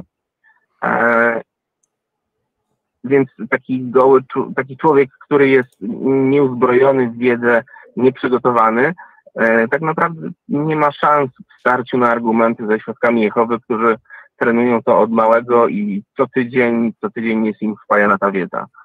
E, więc e, no, tak jak mówię, chciałbym zachęcić do tego, żeby 10 razy zastanowić się, zanim E, zostanie się świadkiem Jehowy, bo jeżeli się zostanie świadkiem Jehowy, e, to tak naprawdę jest to tylko je, droga w jedną stronę, ewentualnie z taką małą, boczną odnóżką, która e, jest bardzo trudna, bardzo ciężka i wyboista w postaci właśnie wykluczenia i całkowitego odcięcia od bliskich przyjaciół, E, znajomych, e, no i wszystkiego tego, czego się doświadczyło i, e, i, i tych wszystkich przyjaźni też, które się zdobyło właśnie będąc, będąc świadkiem. chyba tyle, co chciałem się podzielić. Bogu, chciałeś coś chyba dodać? E, ja chciałem Ci bardzo podziękować za telefon, Michał, i e, powiedzieć, powiedzieć tylko, że e, to, co zrobiłeś, to jest, było wielkie. W sensie, e, szczególnie mnie uderzył ten moment, w którym e, podjąłeś ten ostateczny krok opuszczenia tego, e, tego towarzystwa i rzeczywiście przynajmniej początkowo zostałeś z niczym, prawda? Bo ta religia tak bardzo wyalienowała Twoją osobę z ogólnego społeczeństwa, stanowiła całą, tak. całą paletę Twoich znajomości i znajomych, całą sieć połączeń, relacji, kontaktów z innymi ludźmi, że uciąć to wszystko w imię pewnego dążenia do prawdy i poszukiwania odpowiedzi, e, no właśnie, prawdziwych, a nie tych komfortowych, i faktycznie podjąć ten krok, to jest rzecz wielka. I naprawdę nie jest wielu ludzi, którzy potrafią ten krok tak stanowczo podjąć. Więc to jest wielkie. Jakby z, z moim, no. moim zdaniem to jest wielkie. I dlatego też zgadzam się z tym, co powiedziałeś na końcu, że rzeczywiście, jak już się wejdzie, odpalą te różne mechanizmy, odpali ten wpływ społeczny jego rodzaje, odpalą wszystkie sposoby nacisku e, i wszystkie mechanizmy, które też w religii de facto trochę wyewoluowały właśnie i się utrzymały, trochę na zasadzie takich memów, e, Dawkinsowych memów, właśnie żeby ludzi w tej religii utrzymać, w tej organizacji złapać i trzymać, co w popkulturze na przykład znamy jako e, cechy sekt, prawda? W popkulturze zazwyczaj sekty się właśnie w ten sposób, e, w ten sposób tak. portretuje, że zrobisz krok, i już cię nie ma, bo wpadasz w całą tak. machinę. A ludzie sobie nie zdają sprawy, że być może nie aż tak y, skrajnie i kreskówkowo, powiedzmy, jak w niektórych, chociaż czasami też, ale powiedzmy, że nie aż tak bardzo jak w filmach, ale to się naprawdę dzieje. To są naprawdę rzeczywiste mechanizmy, które działają. Także e, ja ze swojej strony e, bardzo Ci dziękuję za ten telefon. On też bardzo fajnie e, połączył się z tym, o czym ja mówiłem na początku, o wpływie społecznym, jak on potrafi być, co w Twoim przypadku i w przypadku świadków Jehowych jest wręcz takie, no jarzy się po prostu jak gigantyczny neon w ciemną noc, nie? krzycząc, że patrzcie, tutaj to wszystko jest, nie? uważajcie, uważajcie, bo to jest real shit, nie? To, to, nie, to, nie, jest, to, to nie jest takie gadanie, tak? Te, te rzeczy naprawdę zachodzą i to naprawdę łapie jak szpony takich relacji i, i, i, i systemu. E, I ty jesteś mhm. doskonałym tego, i twoja historia jest doskonałym tego przykładem. I ja bardzo gratuluję i e, tobie, że, że udało ci się z tego wyjść. I bardzo dzięki za telefon, nie? bo bardzo był bardzo interesujący. Bardzo dziękuję. Bardzo dziękuję. Bardzo było mi miło z Wami porozmawiać. E, jeszcze jedną krócie, dosłownie jedno zdanie, e, ponieważ e, w zeszłym odszedłem od świadków e, w 2000, listopadzie 2019 e, i na początku roku 2020 e, natrafiłem na taką broszurę wydaną przez polską policję dotyczącą tego, jak rozpoznawać sekty.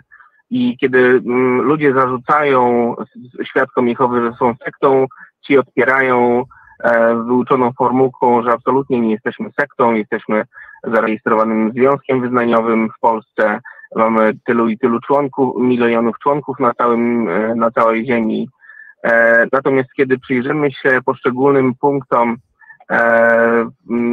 z tej sekty, którą polska policja pokazała, to pod każdy jeden punkt e, można m, mm, nawet nie podciągnąć. Każdy jeden punkt e, spełnia, e, świadkowie Jehowy spełniają każdy jeden punkt e, w tej broszurze.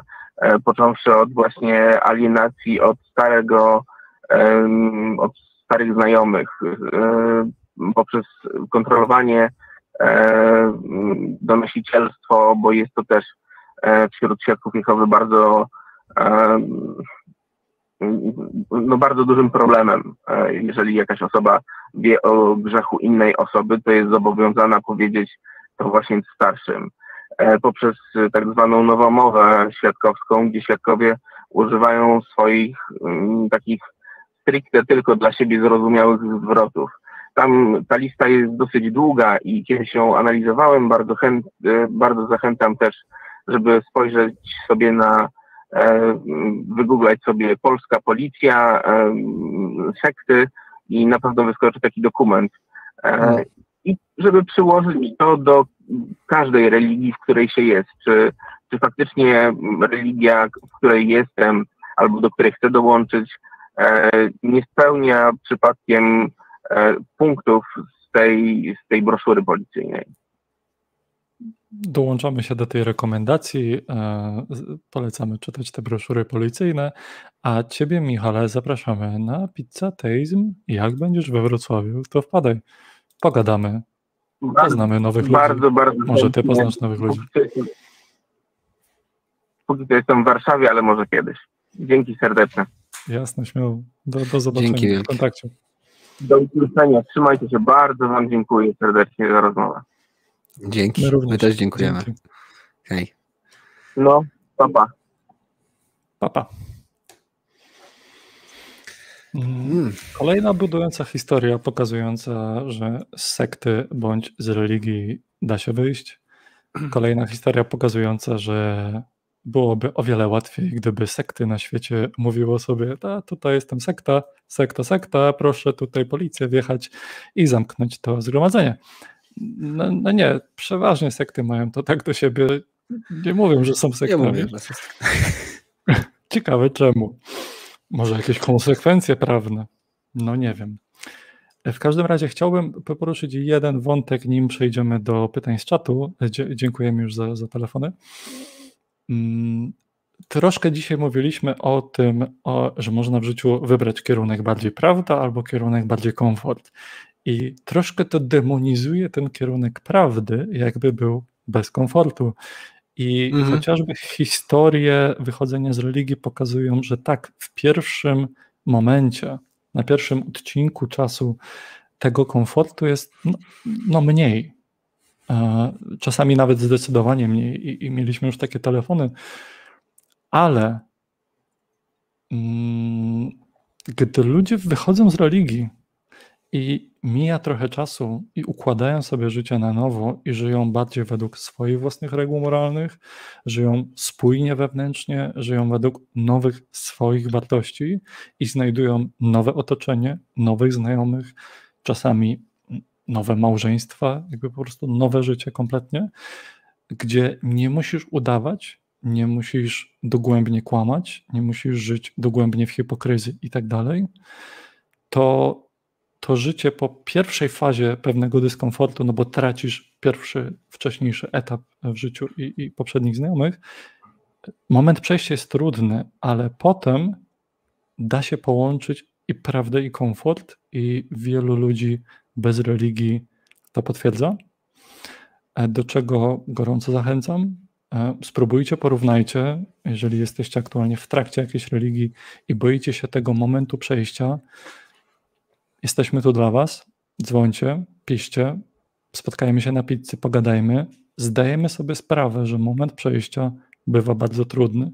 Jednocześnie, jako chociażby my, osoby już jakby po, po drugiej stronie, po przejściu tego mostu, no gorąco zachęcamy, bo, bo naprawdę widać tutaj z tej strony mostu, że warto.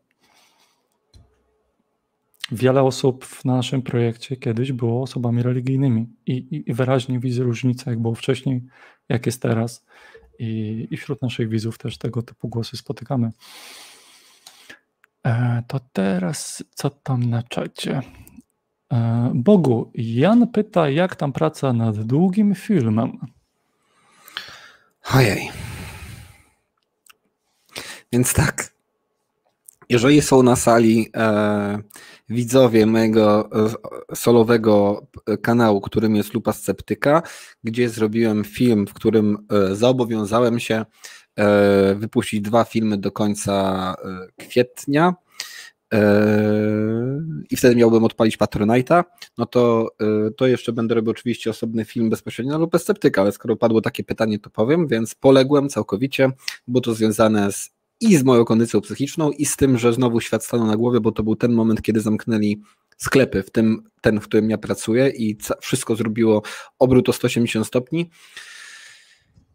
Dużo czynników e, wpłynęło na to, że nie zdążyłem, e, więc e, trwają takie prace moje nad przemyśleniem, jak to ugryźć. Myślę, że będę po prostu szukał osób chętnych do współpracy, bo samemu po prostu nie dam rady. Robić tego kanału. Teraz w tym roku, w którym doszły studia i, i, i, i, i praca, to pokazuje mi, że po prostu sam nie jestem w stanie. E, także, że tak powiem, stay tuned e, e, i, i, i info się pojawi na Facebooku. No, projektu nie porzucam, po prostu muszę do niego inaczej podejść, bo no, okazało się, że nie jestem w stanie podchodzić do niego tak, jak podchodziłem rok temu. Dobra. To teraz kolejne. Mm, Rins Oerzja, jeżeli dobrze czytam.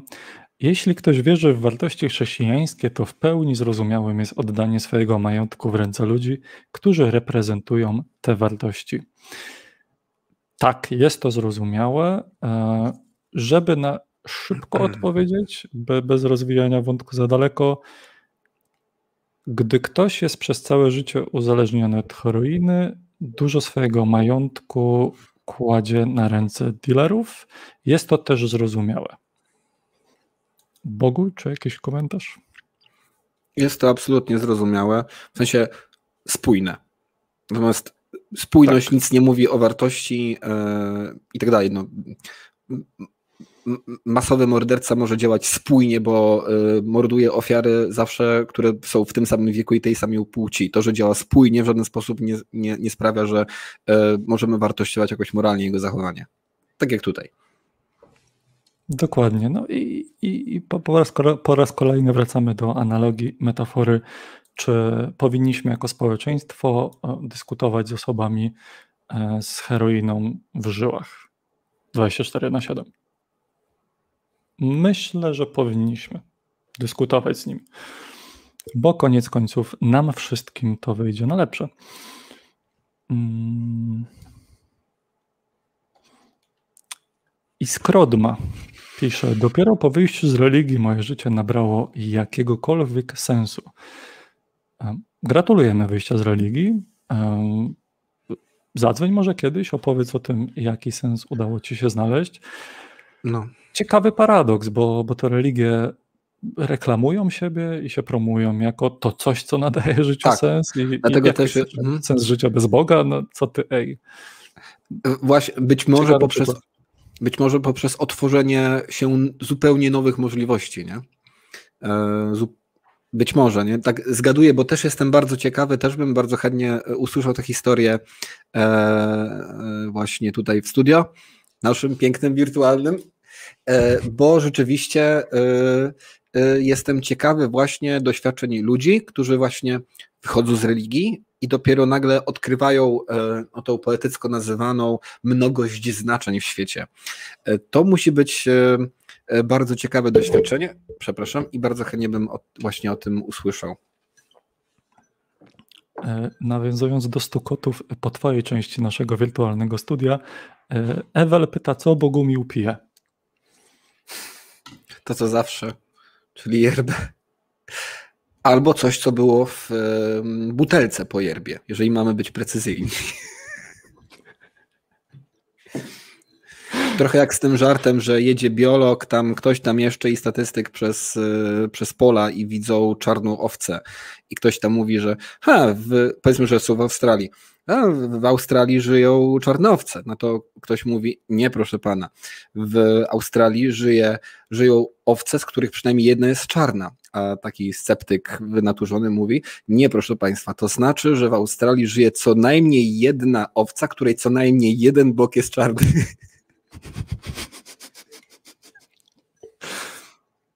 Sounds legit. Yep. Mm, czysta logika. Zero cukru. Mm, mm. Co tu jeszcze? Kolejny komentarz. A ja, bym, ja, ja tylko bym dodał, no. że istnieje byt, który przypomina owce, tak jak mamy to skonceptualizowane w naszych umysłach, którego przynajmniej jeden z boków, bo tak określamy jedną część zwierzęcia, ma w kolorze, który my w tym wagonie, bo to jest pociąg, interpretujemy jako barwę czarną. O. Nie Bogu.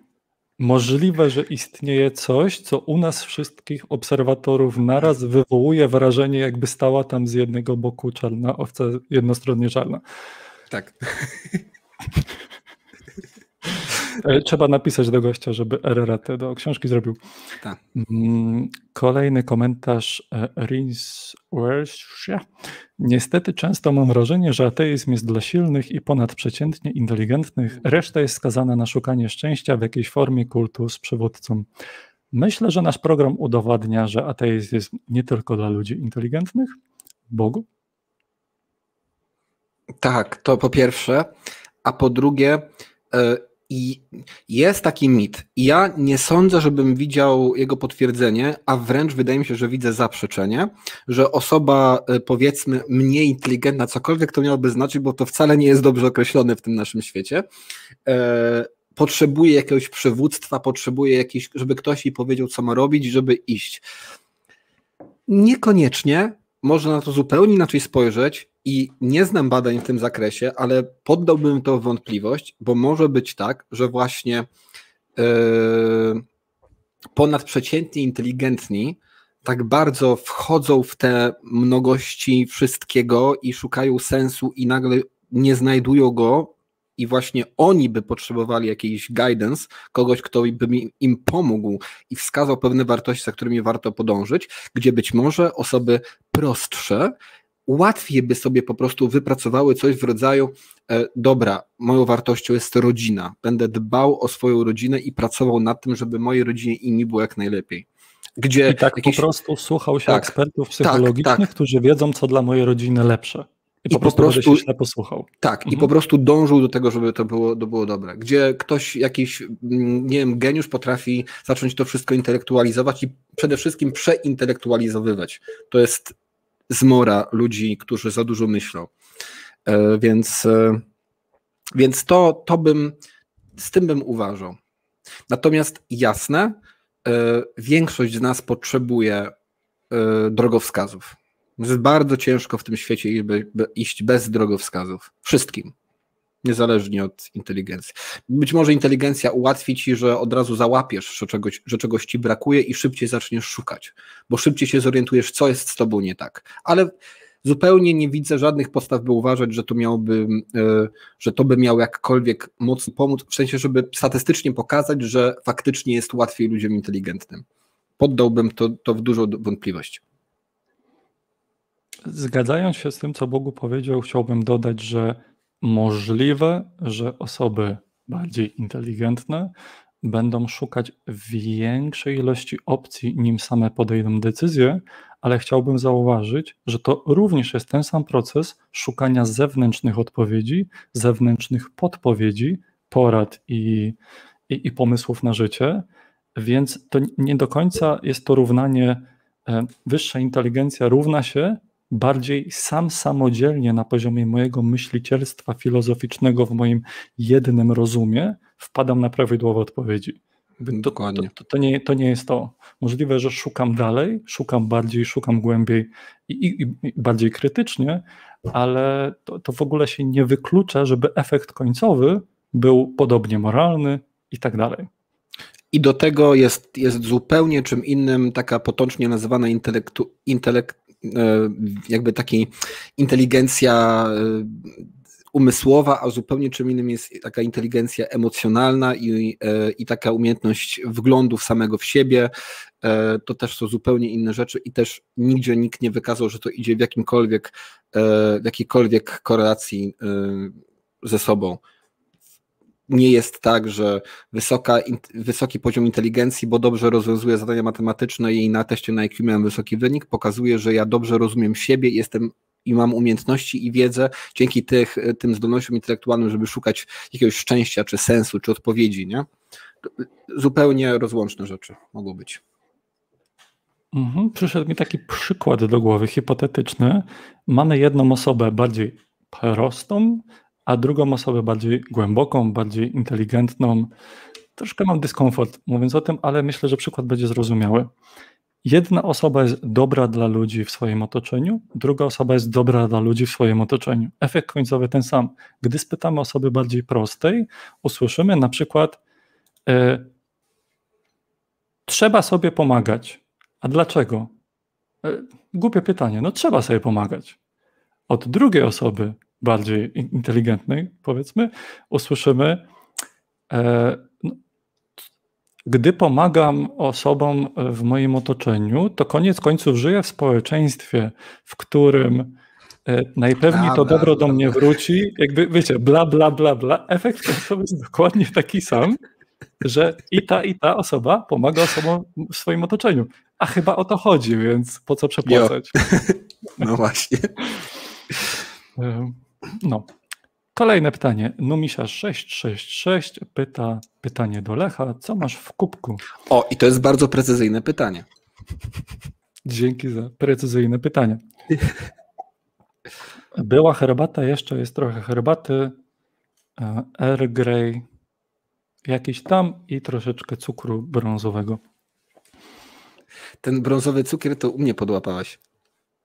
No, polecam. E, Dużo No. smaczniejszy niż, niż zwykły. Mm, Maria Reś pyta, a ja mam pytanie do Leszka Nowaka. Leszku, jak tam twój proces apostazji? Czy coś się posunęło do przodu? Jak tu odpowiedzieć krótko? E, z 7-8 lat temu chciałem załatwić u proboszcza to, żeby wypisał mnie z kościoła tak, jak ja chciałbym, żeby to zrobił, a z racji tego, że on się upierał, że on chce to zrobić, jak on chce to zrobić, to jest temat na osobną dyskusję, E, Sprawa ciągnie się do dzisiaj, e, więc long story short, nie, to jeszcze nie dobiegło końca. Czas pokaże, czy, czy, czy uda się w ogóle to dopiąć do końca na tej zasadzie, na jakiej ja chciałbym. To, to, to tyle na, na ten moment, nie przedłużając. Możemy kiedyś do tego wrócić. M. Munster, chyba z Niemiec, pyta Leszek, a ty nie sądzisz, że ateizm to też sekta? Nie. E, Zadzwoń kiedyś, powiedz, co masz na myśli, co stoi za tym pytaniem i jakie cechy ateizmu a nuż postrzegasz jako sekta, bo nie dostrzegam żadnej cechy. Zadzwoń, pogadajmy. Mm, I to było ostatnie pytanie z czatu na dziś. Możecie nas śledzić poprzez stronę www, YouTube'a, Facebooka Instagrama. Piszcie na grupie dyskusyjnej naszych widzów na Facebooku, a także na adres kontakt małpa stacjamyślnikateizm.pl.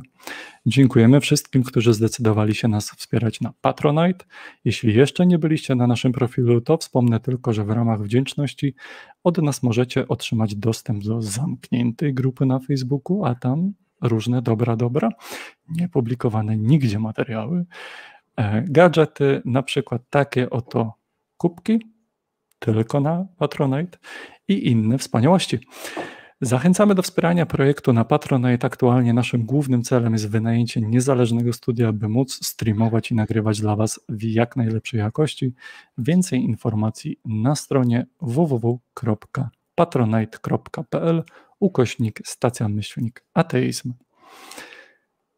To tyle z naszej strony na dzisiaj. Em, Dziękujemy za telefony, dziękujemy, że byliście, dziękujemy za pytania, dzięki Bogu za współprowadzenie. Bardzo dziękuję Lechu e, za poprowadzenie tego odcinka. Bardzo dziękuję wszystkim oglądającym i szczególnie dziękuję osobom, które zdecydowały się do nas zadzwonić. Dziękujemy naszemu wciąż nieistniejącemu, nieistniejącemu sponsorowi herbaty w kubkach. Zobaczymy. Może kiedyś, może kiedyś. To tyle na dzisiaj. Trzymajcie się, do zobaczenia. Hej.